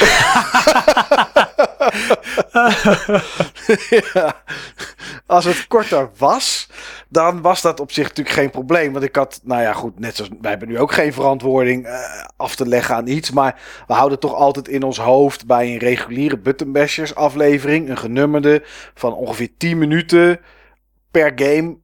Twee games, de man is een uur game talk. Dat is wat we ooit bedacht hebben en waar we ons af en toe aan proberen te houden. Klopt nooit iets van. Eh, BB Bulletin zou een half uur moeten duren. Ik geloof dat de kortste van alle 11 die we er nu uitgegeven hebben, eh, is geloof ik 36 minuten of zo. 35 of 36 minuten. Dus weet je, het is niet erg als het langer is. Of het is niet erg als het wat korter is. Maar met Mike's Minutes wilde ik niet langer dan een half uur doen. Dat was het idee. En ja, ik had daar dan gewoon wat steekwoorden opgeschreven van de game. Eh, onderwerpen of dingen waar ik het echt even over wilde hebben. En dan misschien ja, van, die, van die kleine zinnetjes zoals eh, grafisch, eh, drol, hoofd door muur, weet ik veel, alles, alles rood. Nou, en dan wist ik ook, oh ja, dat triggert dan zeg maar bij mij, oké, hier moet ik het over hebben. Eh, want dit wil ik in ieder geval verteld hebben over dat grafische gedeelte. Voor de rest was het niet uitgeschreven of wat dan ook. Dus had ik ook, ja, ik moest het inderdaad zelf aan de gang houden. Dat was Ja, de truc. En, dat is het, eh, ja, dat, precies. Maar dat, eh, je hebt natuurlijk wel inderdaad 100% zelf de regie. En eh, uiteindelijk het eindproduct weet je niet hoeveel daarin geknipt of geëdit is. Maar dat lijkt me toch wel lastig hoor. ik, Als je niet echt een knipte feedback hebt waardoor je toch ja, een gesprek hebt. Ik knipte in de Mike's Minutes alleen versprekingen weg. Voor de rest niks. Want het was wel het doel dat ik een half uurtje ging opnemen. En dat ik ook het in een half uurtje geëdit en gereleased wilde hebben. En daar zat dan ook altijd een trailertje zoeken bij. Waar ik dan een muziekje uithaalde. eh, en dat ervoor zette. En, en, en een geluidje misschien. En dat moest door, nog door wat post-processing. En het moest en op duimschroef.nl staan. En het moest in RSS-feed staan. En dat moest allemaal binnen een uur. Gewoon omdat het anders voor mezelf niet te doen was op dat moment qua drukte. Dus het, het enige wat ik deed was noise eruit eh, door Levelator heen. En later kreeg ik van Niels nog een plugin. Omdat ik met de microfoon die ik heb af en toe wat slissende geluiden eh, daar eh, tegenaan knal. Dus daar ging het dan nog een keer doorheen. En dat was het. Dan, ik schreef tijdens het opne- opnemen schreef ik tijden op waar een verspreking in zat. Of wat ik opnieuw, opnieuw moest doen. Ehm, en dat, dat knipte ik er dan uit en dan was het klaar. Maar zoiets zou jij jezelf dus wel kunnen zien doen, maar dan over films of over series. Ja, ja, en dan zat ik al een beetje te fantaseren dan van, zou dat dan een podcast of zou dat dan misschien eh videocontent zijn? Want dat kan natuurlijk ook nog. Ja, Maar ja, zo ijdel ben ik dan ook weer niet. Dus dan denk ik toch dat ik voor, eh, voor podcast format zou kiezen.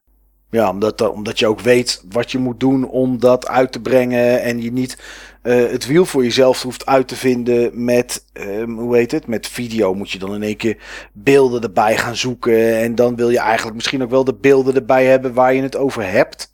Ja. Ehm, ja. weet je, want als je jezelf alleen maar kijkend in een camera 10 minuten over een film eh, hebt praten, ja, dan heeft die camera weinig toegevoegde waarde natuurlijk. Tenzij mensen graag naar je gezicht willen kijken. ja, dat weet ik niet. Nou, Maar, daar eh, heb ik inderdaad. wel antwoord op. Maar nee, maar dat is. eh Oké. of iets dus- anders, hè? Hey, of ik begin natuurlijk gewoon ASMR. Oh, er kan echt geen podcast voorbij gaan met Sven erin zonder ASMR. Ja, daar gaat hij.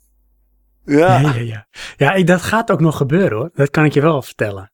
En dat Oké. wordt dan ook gewoon een, een, een podcast format. Dus niet eh, op YouTube of Twitch, maar dan een, eh, een podcast. Er gaat een, er gaat een ASMR podcast komen. Ooit een keer. Ik snap ASMR wel, zeg maar, maar niet in eh ja, videoformat of zo. Dus ik had bijvoorbeeld laatst als de hond aan het uitlaten en die heeft dan inmiddels lange nagels. Dus als die dan op de stoep loopt, dan hoor je die nageltjes zo krik, trik, trik, trik, zeg maar. En dat heb ik ook letterlijk opgenomen toen. Omdat ik het geluid wel tof vond. Ja, ja precies. Dan heb je een soort field recording en dat kun je dan lekker terugluisteren. Ja, ja, maar om nou te gaan kijken naar zo'n video, weet je wel, en daar gaat iemand dan fluisteren en een beetje aan een avocado lopen krabben. Dat is dan niet, zeg maar, mijn Ja, tijdsbesteding. Ja, nee, maar weet je, wat, dat is, dit is eh, wel heel belangrijk bij ASMR. Net of ik heel veel verstand van heb hoor. Maar ehm, ik heb dus dit ook mezelf afgevraagd. Want heel vaak s'avonds in bed, vlak voor het slapen, doe ik nog even een ASMR-videootje aan. Vind ik wel eens lekker. En dan leg ik meestal gewoon mijn telefoon weg en dan hoor ik het zo op mijn doppies. Maar toch, als je dus ook de beelden erbij hebt.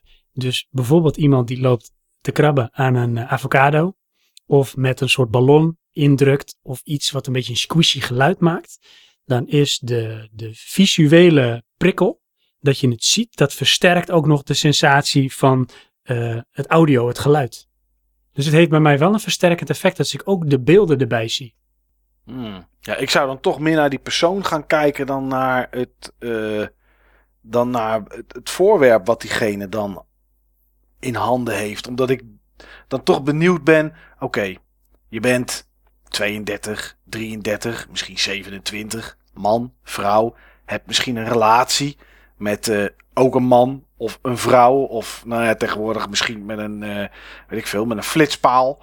Wat er allemaal tegenwoordig kan. Alles kan, Eh, alles kan. En dan ben je, ben heb je die leeftijd en dan zit je te fluisteren tegen een microfoon en over een ballon te wrijven. Ja, dan, dan, als ik dat zou moeten doen, kan ik mezelf niet meer serieus nemen. Dus dan ben ik heel Ja, benieuwd, wat voor gezicht trekt diegene daar dan bij? Die moet toch ook, die moet toch ook denken van, terwijl hij zo over zo'n ballon, haha, daar komt weer 1000 euro aan advertentiekosten binnen. En dan wil ik ook wel ja. over een ballon wrijven. Oh, wat is dit weer helemaal, zeg maar, in een paradigma dit. Nee, dat is natuurlijk niet zo. Maar weet je, hetzelfde zeggen mensen natuurlijk over lui die over games aan het praten zijn. Dan zeggen ze ook van, hebben die geen leven? Staan ze over spelletjes te praten? Ja, maar mijn Hebben gezicht geen er niet relatie? bij. Ja, dat heb nee, ik dat wel. is waar. Ja. Dat is waar. Dus dat is natuurlijk net wat je smaak is. Maar dat, ik, het is wel zo, als je dat dus hebt, ja, dat is kak. Want je wil ontspannen. Je wil niet afgeleid worden door allemaal dingen die je dan ziet. ja. Dus dan kan je misschien beter de audioversie doen. Ja, want ik, nou ja, goed, als ik het zou kijken, dan zie ik, ja, dan, dan zou ik me ook alleen op die video moeten focussen. Maar dan krijg je WhatsAppjes binnen of eh, ik veel wat. Je moet Ja. sowieso WhatsApp, dus meteen even een tip. Want dit mag toch van de hak op de tak, want dit is een off-topic topic eh, aflevering. Ik heb een gouden tip voor iedereen. Ik zou er een rubriek voor moeten maken, maar ik weet even niet of ik daar een rubriek voor heb. Want het is niet leuke praatjes voor op een feestje. Dat komt zo direct. Eh, Oh nee. Je kan gewoon in je telefoon, in WhatsApp, bij de instellingen, kun je zeggen dat je al je ehm, meldingen, dus al die dingen die als een soort met lamelletje naar beneden komen, dat je die helemaal uitzet. Nou, ik heb dat nu al twee weken. Ik kan het echt iedereen aanraden. Je krijgt nog wel je notificatie te zien bij je WhatsApp-icoontje dat je eh, zoveel berichtjes hebt. Maar voor de rest helemaal geen geluiden, geen dingen, niks in beeld. En je hebt zoveel meer rust en focus daardoor. Pro tip. Nou ja, ik heb, ik heb wel ehm, ehm, geluid op WhatsApp sowieso uit voor alle groepen. Ik heb het voor bijna iedereen uit, behalve bijvoorbeeld mijn dochter en voor Bianca en mijn moeder. Dat zijn geloof ik de enige waarbij een berichtje dan wel geluid maakt. Maar ik vind dat eh, die lamel, zeg maar, die, die preview die je bovenin krijgt, vind ik toch wel makkelijk. Dan kan ik namelijk alvast even iets lezen. En dan kan ik eventueel, als dat nodig is, even rustig nadenken hoe ik daarop ga antwoorden. Zonder dat diegene ziet dat ik het gelezen heb. Ja, dat is natuurlijk ook het idee erachter inderdaad. Maar vind je dat niet dat je, als je erover nadenkt, dat je daar eigenlijk gewoon stress van krijgt? Nou ja, krijg ik ook. Want je krijgt constant prikkels en wat je zegt, terwijl dat binnenkomt, je bent met iets anders bezig. Daar ga je als goed, zo goed en kwaad als lukt mee door. Maar in je achterhoofd ben je ook al bezig. En je kunt niet multitasken. Dus dat wordt lastig in je hoofd wat je wilt gaan beantwoorden. Ja, maar dat, Als je al ik, gaat beantwoorden. dat heb ik sowieso met dat hele ding. Niet alleen met WhatsApp. Ik bedoel, eh, ik ben nu een weekje vrij. Morgen nog twee dagen en dan eh, woensdag weer, eh, weer aan de bak. Als er iemand van werk belt, en die hebben ook mijn privé, ja, die hebben zelfs ook mijn huistelefoonnummer. Dus als er echt Heb dingen jij in de nog een huistelefoonnummer? Zeker weten, die zit bij mijn Ziggo abonnement in. Dus dan hangen we er een telefoon aan, toch? Wauw, dat dat Ja. bestaat joh. Ja, ik heb eh, gewoon ook zo'n eh, gigaset met eh, hier naast me staat een handset en op de slaapkamer en in de huiskamer. Echt? Oh jezus. Echt waar. Wat Ja. ben je toch nog lekker eh, retro in dat eh opzicht. En weet je wat mooi is? Als je belt en ik neem niet op, want er zit antwoordapparaat in. Dan hoor je een Duits bericht. Dan hoor je voor Erzeit is niemand erreichbaar. Want Nee. ik heb namelijk die set in de Duitse mediamarkt gekocht. Waar ik ook mijn Xbox One destijds heb gekocht. Omdat die hier in Nederland niet uitkwamen. Dus toen ben ik naar Duitsland gegaan om dat ding te halen. En toen hebben we daar zo'n handset meegenomen. Dus ja, dat is. Je kan zelf een boodschap inspreken. Maar we vinden het op zich wel grappig dat het in het Duits leuk? is. Ja, ja. Ja. Ja, en er zit dan zo'n telefoonboek in. Moet je namen inzetten met nummers. Dat als iemand belt, hè, dat je dan wel kan zien met nummermelding wie het is dat er belt. En dat soort zaken. Maar nee, we hebben gewoon nog. Ja, ik heb gewoon nog huistelefoon. Heb jij nog een huistelefoon, Niels? Nee joh, tuurlijk niet. Oh, Heb nou, jij wel televisie, Niels? Ja, ja, zeker. Absoluut. Anders dan kan ik natuurlijk geen PlayStation 4 spelen. Ja, oké, maar ik bedoel Ah, je dan als meer een, een tv-abonnement. eh, abonnement. Ja. Ja. die heb ik, want die zit gewoon bij mijn internet. Oh, oké. ja. Heb jij dat dan niet, Sven, dat je hier zo specifiek naar vraagt? Nou, ik heb het wel, maar ik dacht eh, misschien, Niels vond ik er misschien wel een type voor. Zoals Johan, die heeft het niet. Hè? Johan heeft wel een televisie, maar die heeft gewoon geen, eh, die heeft alleen een internetabonnement.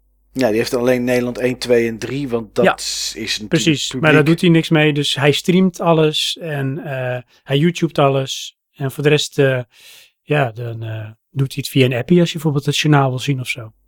Ja, ik heb daar ook wel over nagedacht, hè. Maar ik vind het toch lekker. Dan is het zaterdagavond, half drie s'nachts of zo. Dat had ik, eh, e- had ik gisteren. Half drie s'nachts. Nou, sluit iedereen zijn Playstation een beetje af. Want we zaten Call of Duty te spelen.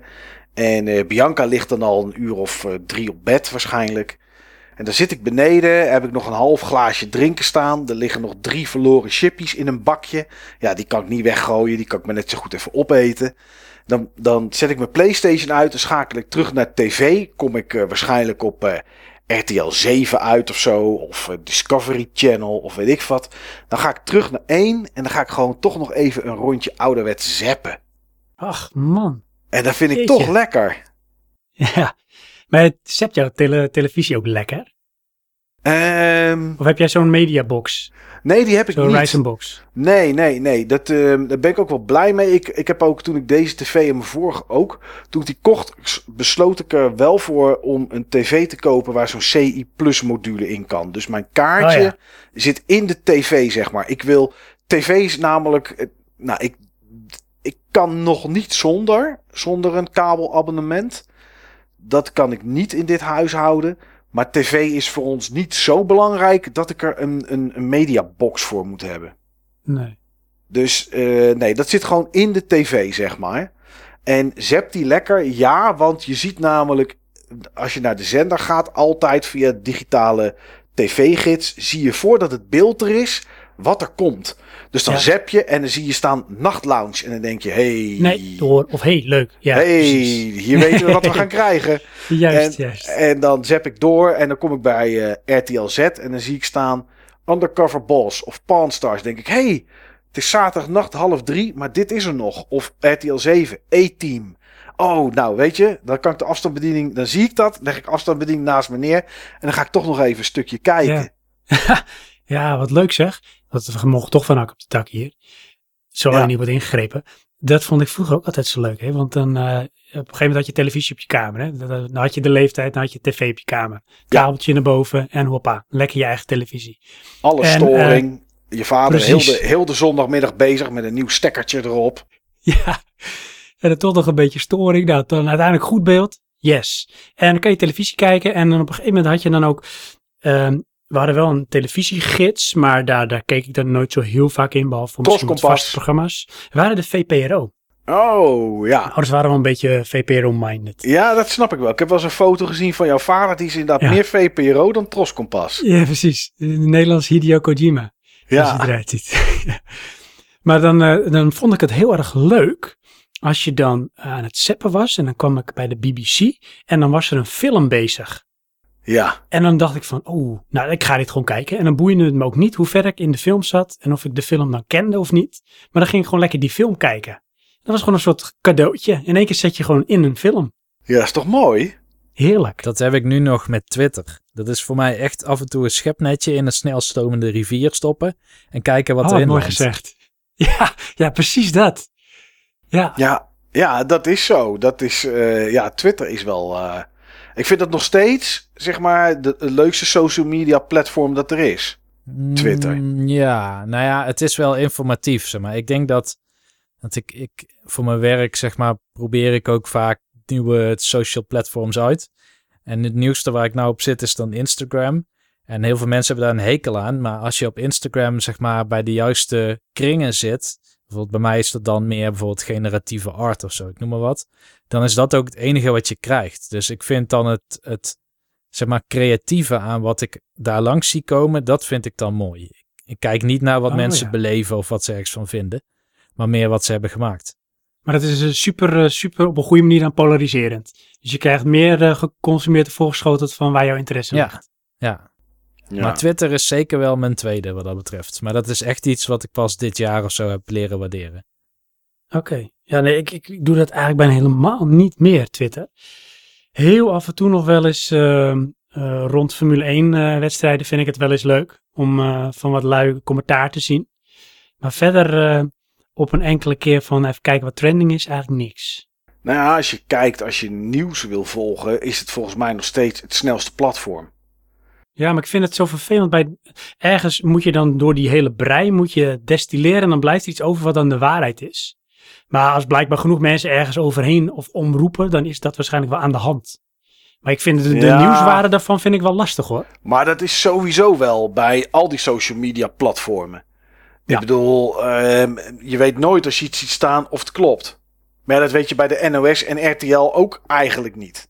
Nee, dat is waar. Alleen dan ga ik er toch op een of andere manier ja, heel eh, Je gaat er meer conservatief vanuit. eh, dat ja, dat, dat toch dat ze volgens een bepaalde ethiek werken. En dat daar wel eh, nou ja, de, de, de waarheid is dan zeg maar het hoogste goed. Daar ga ik dan wel vanuit dat ze dat ook eh, propageren. Ja. Nee, ik vind het voor, op Twitter heb ik zo'n. ehm, heb ik dan zo'n. Ik, ik gebruik. Vroeger had je TweetDeck. Dat kon je dan los downloaden en installeren. Maar TweetDeck werd opgekocht op een gegeven moment door Twitter. En dat heb je nu dan tweetdeck.twitter.com in je browser. En dan krijg je gewoon kolommen. En daar heb ik dan een kolom, eh, eh, game nieuws. En daar doe ik dan alle sites zoals IGN, GameSpot, Destructoid. eh, nou, noem ze allemaal maar op. Die heb ik daar allemaal zeg maar in gefilterd. Dus al het game nieuws loopt daar eigenlijk de hele dag door, loopt dat daar zo in. Ja. En dat is super makkelijk.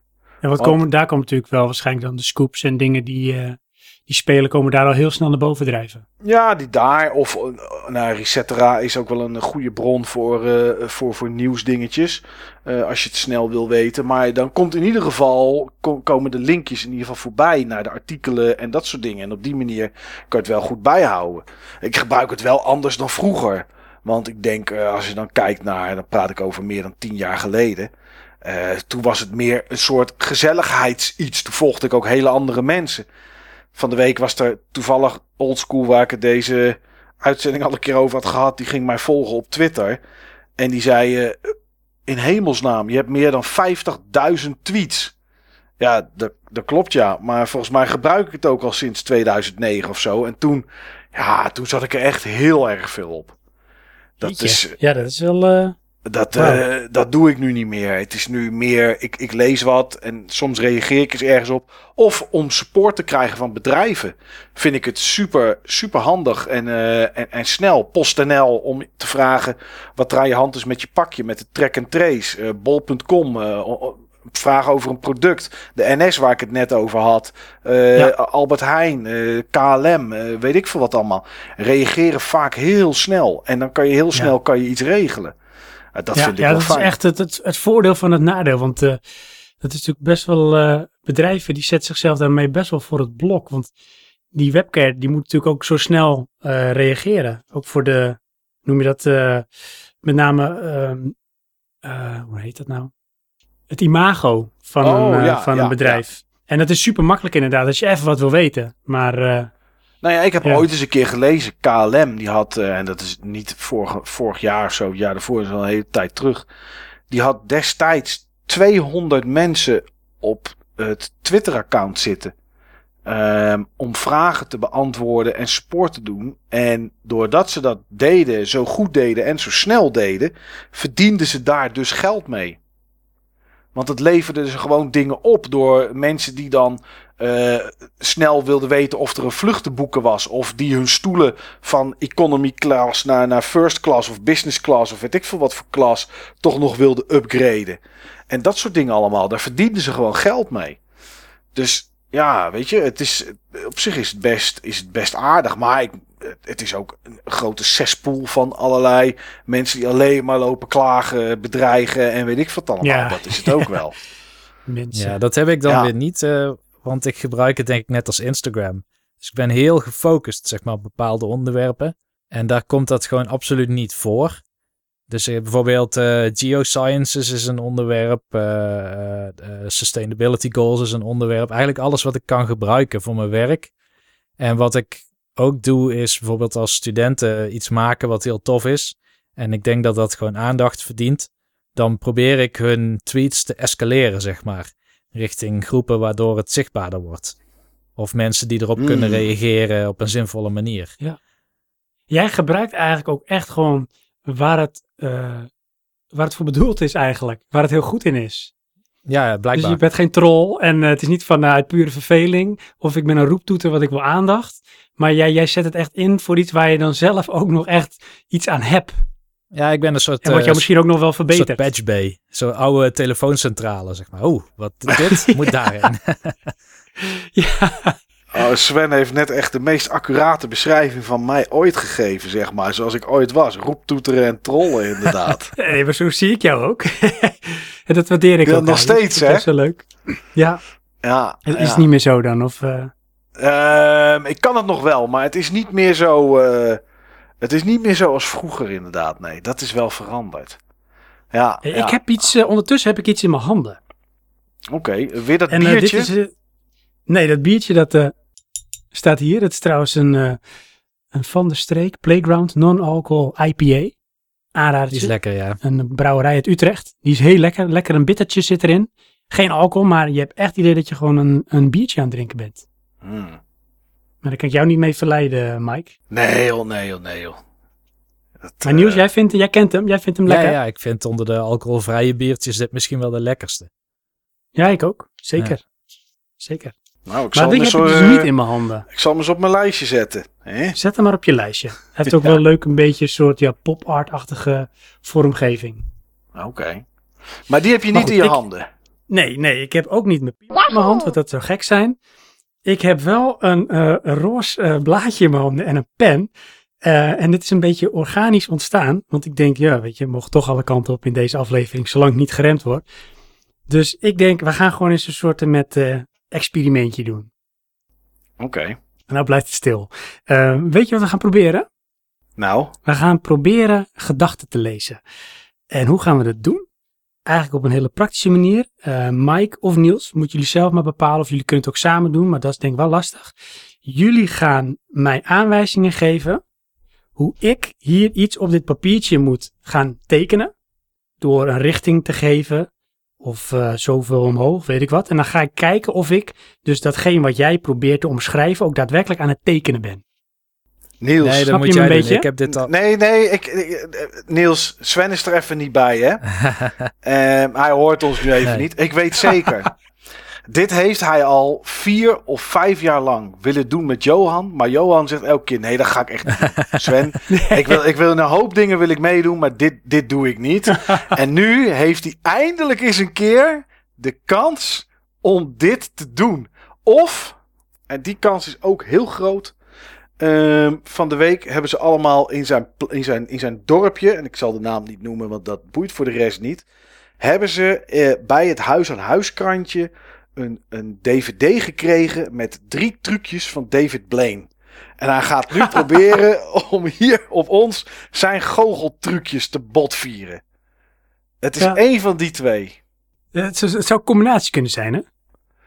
Dat zou ook nog kunnen, inderdaad. Ja, ik heb een keer een communicatietraining iets gehad. En eh, daarin moest je, daar kreeg je een tekening van eh, eigenlijk de coach, zeg maar, of de ja, docent, zal ik maar even noemen. En dan moest je aan de hand van aanwijzingen, moest je zorgen dat alle anderen in die zaal precies dezelfde tekening zouden maken. Alleen toen ik die aanwijzingen ja, heb dit is ook gegeven, zoiets. toen zeiden ze, ja, maar eh, dat kan ook anders. Want eh, Oh, Wat is dit nou? nou ja, ik had echt iedereen, bijna iedereen precies de goede tekening laten geven. Maar ik pakte het heel anders aan dan dat die cursusman bedoelde. Oh, maar goed man. Dan heb je gewoon het systeem. Jij was gewoon een soort Neo. Je hebt gewoon het systeem gehackt. Nou, wat, wat zijn bedoeling was, is eigenlijk gewoon dat je iedereen kan laten ontsporen en verschillende tekeningen kan laten krijgen. Maar ik begon gewoon heel high level. Ik zei, oké, alles wat we gaan tekenen is een lijntekening, dus er worden geen vlakken ingekleurd. Tweede, alles zijn eh basisgeometrievormen, dus je komt alleen maar rechthoekige, driehoekige en eh, ronde vormen tegen. En ik zei eh, elke keer van, en ik ga elke keer uit van het midden van het vel om te beschrijven hoe groot iets wordt. En toen eigenlijk Oh, dat soort meta-informatie gaf die mensen te veel houvast, zeg maar, om die tekening te maken. En ik dacht, ja, dit ja, is jij was gewoon te duidelijk. ja. Ja, ja, ja. En wat liet je, wat liet je die mensen goed. tekenen? Nou ja, wat, wat de cursus, cursusman eigenlijk wilde vertellen is... ehm, je moet eigenlijk zeggen, zet, zet je potlood op het vel... en ik geef aan wanneer je naar rechts moet en zo. En ik dacht, ja, maar dat gaat helemaal niet werken. Nee, want de een gaat, gaat met 1 centimeter naar rechts en de andere met 4 centimeter naar Ja. rechts. Dus dan, krijg je, dan, dan wordt het hem nooit inderdaad. Nee, dat werkt niet. Dus het leek mij wel een goede als Mike deze deed. Ja, nou, bedankt Niels. Eh, ja, ik wil deze best doen. Eh, Wat, Oké. wat, wat, wat, wil je dat, eh, wil je, hoe wil je dat ik het doe, Sven? Nee, dat laat ik jou over. We gaan gewoon kijken of wij toch op een of andere manier in, in contact staan met elkaar. Zo goed dat ik kan tekenen wat jij mij dirigeert. En dan ga ik zeggen van nou, wat ik nu getekend heb is een... En dan is dat het. Oké, ik weet zeker dat dit misgaat, maar ik heb, ik, ik heb een object. Oké. Heb ik. En ik heb het niet eens in gedachten. Ik heb het zelfs voor me. Op dit moment. Dus ik kan, ik kan jou proberen dit te laten tekenen. Ehm, trek maar in het midden van het papier een horizontale lijn. Die niet meer dan twee derde van het papier beslaat. Oké, oké. Dus aan de linker en aan, aan, aan links en aan de rechterkant mag nog een beetje ruimte over zijn. Oké, ja. Dan ga je naar het midden van die lijn en dan ga je ja, ongeveer een centimeter of twee naar beneden. Ja. En daar teken je dan ook een horizontale lijn die ongeveer, nou laten we zeggen, 1 vijfde is van de lijn die je net daarboven hebt getrokken. Oké. Wat je dan doet, is dat het volgende moet gaan gebeuren. Vanaf de hoeken van de bovenste lijn, van, de, van het uiteinde, de punten, trek je aan alle twee de kanten een lijn die daaronder zit. Dus lijkt het een beetje op een dubbele lijn, maar die vlakt steeds iets verder naar beneden af, totdat je te hoogte bent van het uiteinde van het lijntje wat je daaronder getrokken hebt. En dan maak je een redelijke scherp, scherpe bocht en trek je hem door naar beneden. Oké. Oké. Ik zie het al, het is een vliegdek moederschip. En dan een dwarsdoorsnede ervan. Ben je aan het meetekenen? Oké. Ehm, dan ga je naar het onderste lijntje. Mhm. En het onderste lijntje zet je je pen aan de, aan de ene kant. Maakt niet uit welke van twee kanten je de pen zet. En dan Ja. maak je eh, niet tot bovenaan. Dus misschien ongeveer een centimeter. Misschien iets minder hoog. Een soort van koepel. Een soort under the dome-achtige koepel. En die trek je dus van het onderste lijntje links naar rechts. Maak je daar zo'n half cirkeltje. Oké. En die moet je even een soort van inkleuren. Hoef je niet helemaal in te kleuren, maar dat die een beetje ingekleurd is. Oké. Ja. En dat is hem. Echt? Ja. En dat heb ik hier voor mij liggen. Kijk, eh, tuurlijk, als je dat object, als je het object zou kantelen, Dit is echt heel iets anders geworden volgens mij. als je het object zou kantelen, tuurlijk, dan zit er in één keer veel meer aan, waardoor je denkt, oké, dat zou misschien dit of dit kunnen zijn. Maar dit is wat ik voor mij heb. Jeetje. Niels, heb je enig idee naar aanleiding van deze aanwijzingen? Ik denk, ik, ik ga, ik ga, dit is niet lullig bedoeld, maar ik denk dat Niels niet eens het object kent wat ik hier beschreven heb. Nee, ik kon het eh, goed volgen tot, tot je zei van eh, trek een eh, horizontale lijn die een klein beetje naar beneden gaat. En wanneer je bij die andere lijn in de buurt komt, dan gaat hij helemaal naar beneden. Zeg maar, toen dacht ik, oké, ik ben Oké, ik, neem nog- ik neem nog een slokje whisky. Ja, dat heb ik letterlijk gedaan. En wat, heb, wat ik nou voor me heb, hé, het is een beetje een combinatie van een flipper van een semi-min, inderdaad een dwarsdoorsnede van een vliegdekschip, ehm, een helm van iemand die schermt en Hmm, het zou een fluitje kunnen zijn. Het is het allemaal niet. En het is ook heel vreemd dat ik het hier heb liggen. ehm, waar ik nu zit. Want ik zit gewoon boven op kantoortje. Waar ik, waar ik werk. Thuis. En, en, en dat soort dingen. Maar wat jij hier geprobeerd te tekenen hebt. Lieve Sven. Is een holle wandplug. Nou, ik ben blij dat hij er niet zo uitziet in. Experiment mislukt. Oké, Ja, Ja, ander onderwerp. ik eh, zal deze bewaren. Ik ga daar een foto van maken en die stuur ik dan nog naar jullie door. dat is goed. Dan, kun je zien eh, hoe mijn artwork eruit ziet. En hoe ik gefaald heb. Nou, leuk onderwerp eh, heb je bedacht. Gigantisch mislukt. Ja, het is een leuke experiment, jongen. Dat is het geslaagd als het mislukt is, want het is ook een uitkomst. Dat is zeker zo. Dan weet je in ieder geval, dat het experiment is geslaagd. Ja, Ja, inderdaad. Ik wil eh, dadelijk toch nog iets doen in het hoofdonderwerp. Nou, dit is het hoofdonderwerp, dus ga je gang, Niels. Ja, ja. Ken- kennen jullie... Beter, beter wordt het niet. Nou ja, dat, dat deed eigenlijk Sven's experiment me zojuist aan denken. Mm. Dus de Great Dalmuti is, ehm, is een eh, internetwebsite. Oh, wacht. Ja? En eh, dan moet je iets in gedachten nemen. En dan gaat de internetwebsite 20 vragen stellen. En uiteindelijk weet hij wat Ja. Denkt.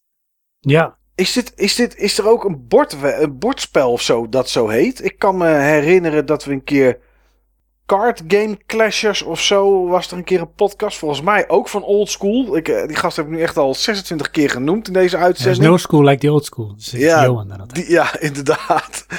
En die had toch ook over de Great Dalmuti? Ja, of is ja, dat... dat klopt. Wacht, ik, heb, ik ben eh, in de war. Het heet niet Dalmuti, maar het heet iets met Zofar of Zotang of zoiets. Ik weet niet meer.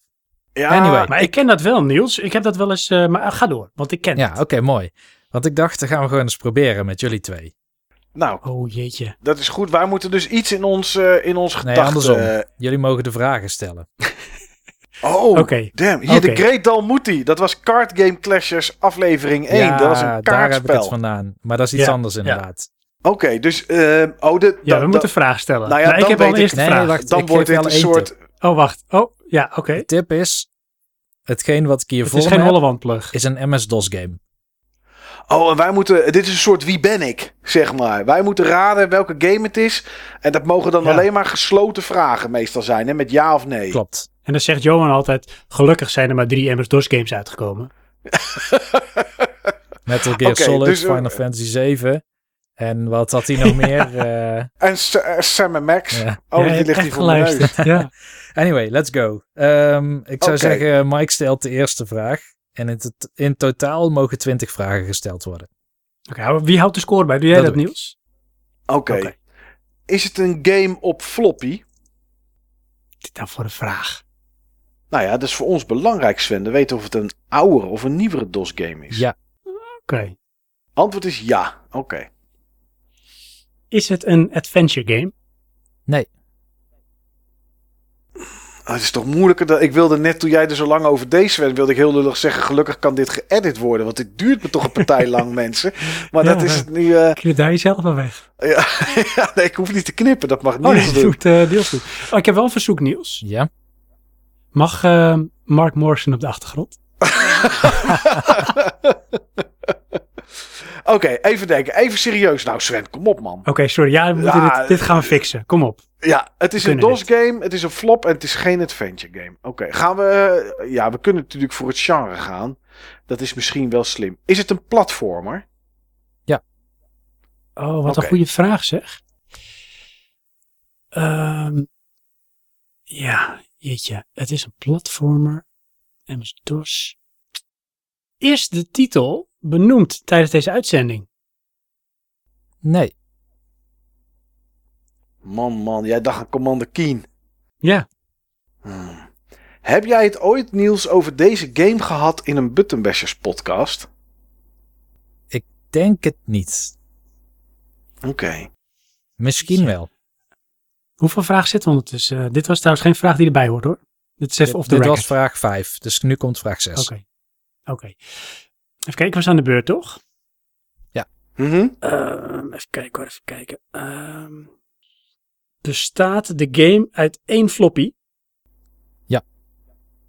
Oké. Kijk Mike, dat eh, narrows it down een klein beetje. Hoewel floppies waren natuurlijk sowieso niet zo grote games. Nee, maar dan is het in ieder geval niet drie of vier floppen inderdaad. Dus is het ook een wat oudere, weer een nog iets oudere game. Ehm, is het een game die Sven en ik beide kennen? Ja, Ik zou vraag. zeggen nee, ik kan er niet van uitgaan. Oh. Ehm, ik weet niet of we wat aan deze vraag hebben, maar toch ga ik hem stellen. Ehm, is de game ook op Amiga uitgekomen? Nee, Bestuur je in de game een mannetje? En dat bedoel ik dan mee, er hoeft niet een man of vrouw te zijn. Of, maar eerder is het een mannetje of is het iets anders? Bijvoorbeeld een dier of wat dan ook. Dus bestuur je een mannetje?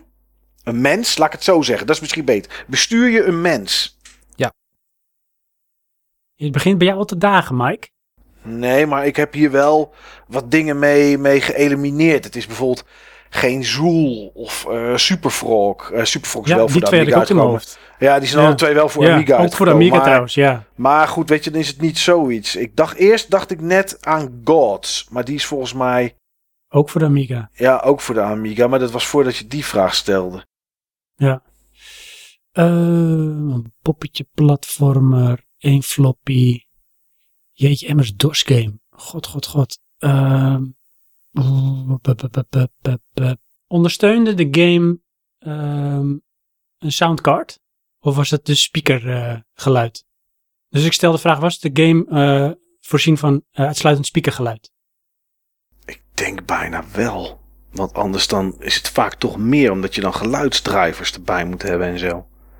En een setup, maar goed. Oké, het antwoord op eh, ondersteunt hij uitsluitend speakergebruik is nee. Met Hmm, andere ja, woorden ook niet speakergeluid. Ja, dan kan het ook een, eh, een Turtle Beach eh, Adlib Pro kaartje zijn waar dan geluid uit komt.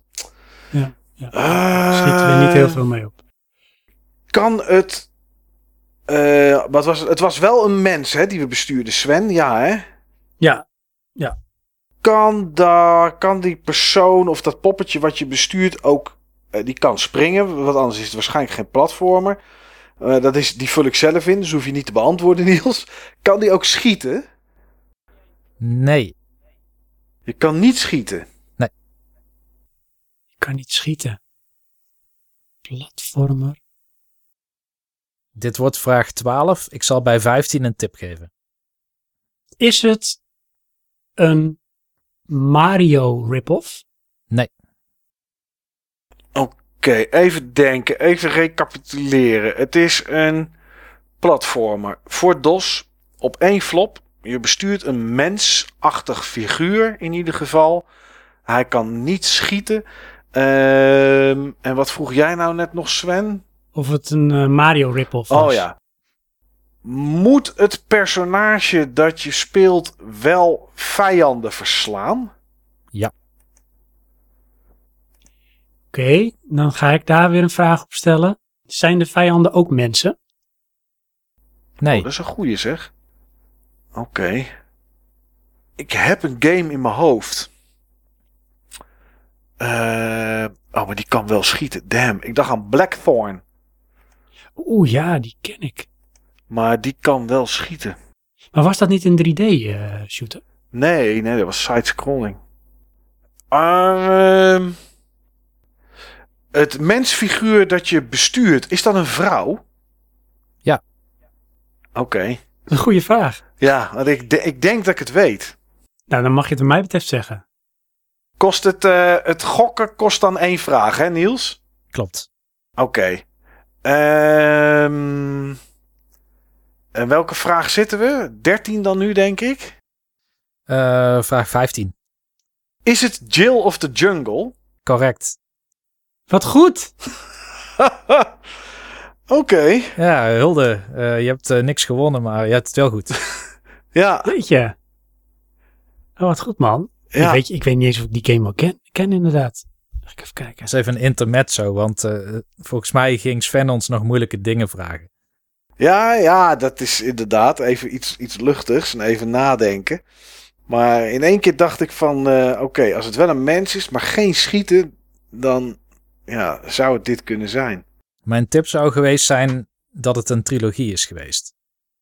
Maar dat had ik, eh, daar had ik daar, nee, daar had ik denk ik Dat niks. had mijn, nee, ik, ik ken de game, ken ik ook niet. Ja, ik ken de game wel, maar dat had bij mij niks, eh, dat had niks toegevoegd. In dit geval. Maar ik, eh, het had, het, ik zat ook nog te denken aan, eh, volgens mij heette dat prehistoric of zo. Eh, maar dan, het was in dit geval een vrouw. Dus dan, eh, dan, had het niet, eh, dan had het niet gekund, want dat was een mannetje. En dan kon je ook niet schieten, wel springen. Je had wel tegenstanders die waren niet mens, dat waren dieren. Maar dat is bij Jill in the Jungle natuurlijk ook. Dat zijn ook grote mieren of zo. En ik weet niet wat daar voor de rest allemaal in, eh, in voorbij komt. Maar eh, Oh ja, ja. ja. oké, nou ja, Titus Interactive. Ja. ja, nice. Maar waarom heb je die daar liggen, Niels? Nee, die heb ik niet liggen. Die heb ik gewoon eh, opgeschreven. Oh, had je gewoon bedacht. Ik dacht dat je hem echt Ah. had liggen. ja, dat dacht ik ook. Van ik heb hier een game voor me. Maar heel goed, heel goed. Ja, ja, ja, ja. En dit kwam zo in jouw oppoppen? Of had jij deze eh, van tevoren bedacht? Nee, dit kwam Dit, zo eh, in mij deze op. exercitie. En dat komt eigenlijk door, eh, door jouw exercitie van zojuist. Ah, Ah, leuk hè? Dan krijg je een soort associatie. Ja. Ja. Nou heb ik dat ook in één keer. Kunnen jullie allemaal even op één been gaan staan? En het liefst je linker, dan je rechterbeen. Proberen zo ver mogelijk je voet naar je neus te trekken.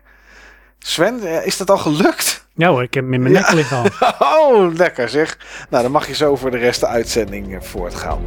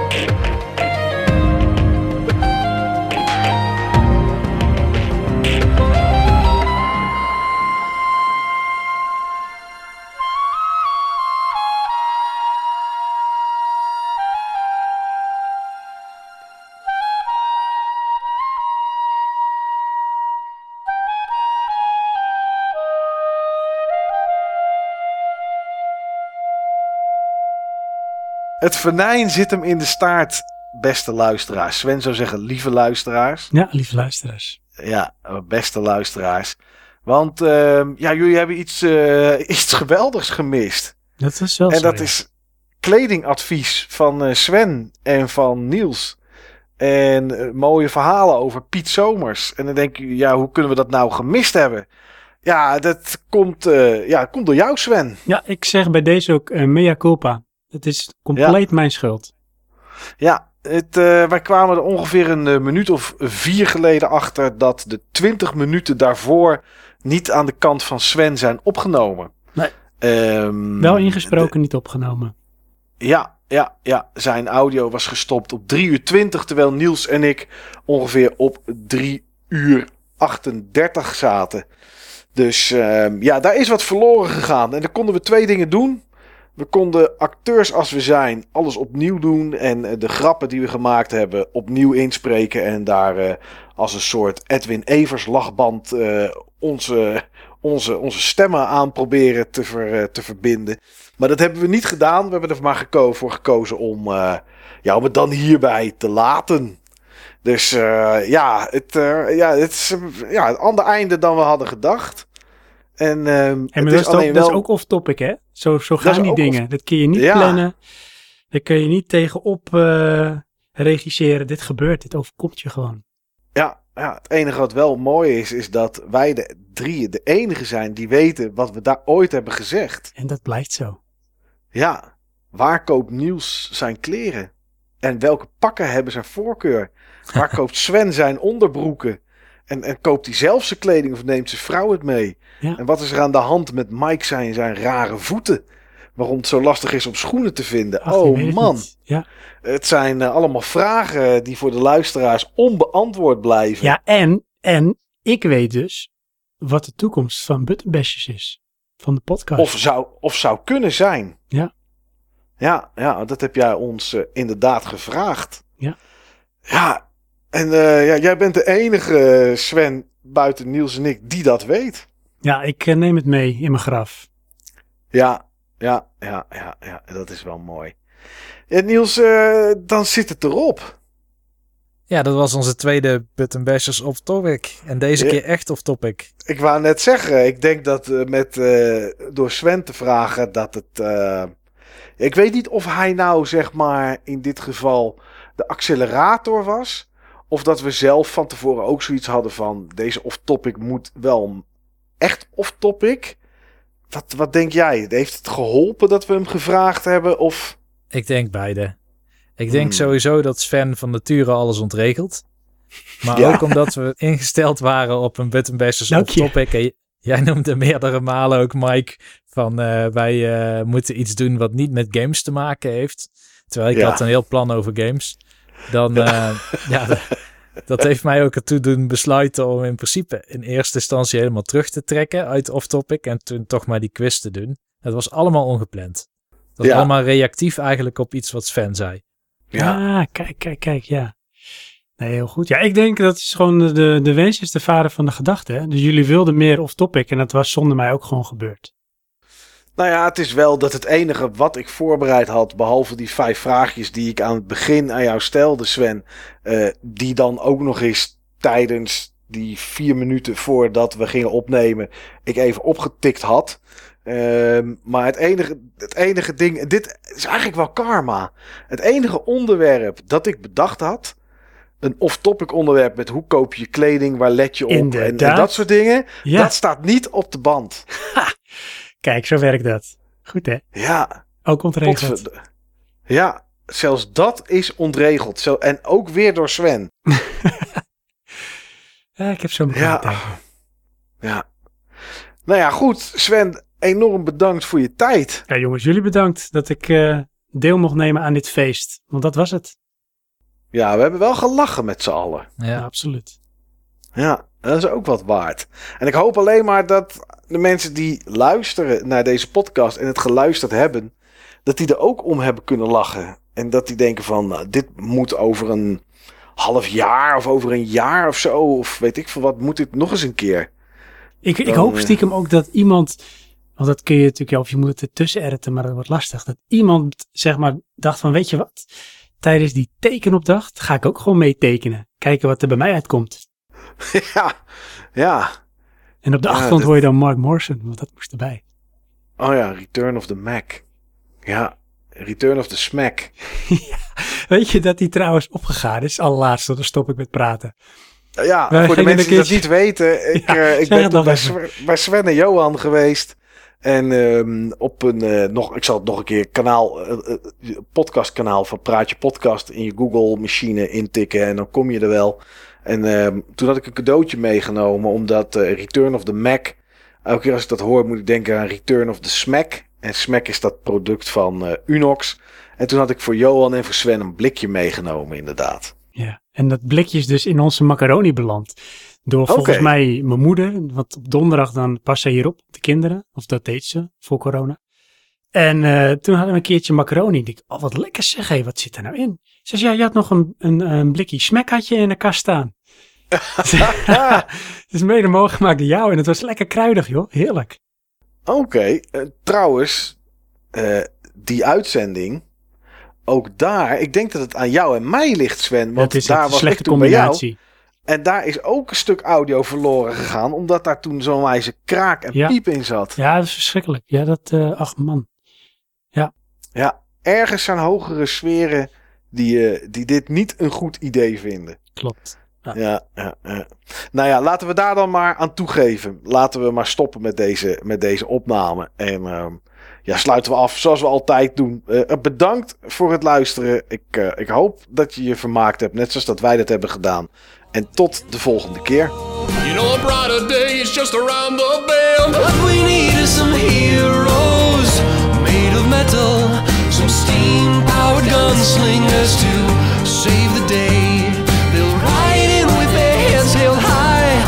guns and courage at their side, and vanquish the evil from the lands. What we need are some heroes with wheels of iron, their hearts in the stars through the darkest of days. They'll ride into the sunset, hope overflowing, and construct a new day from the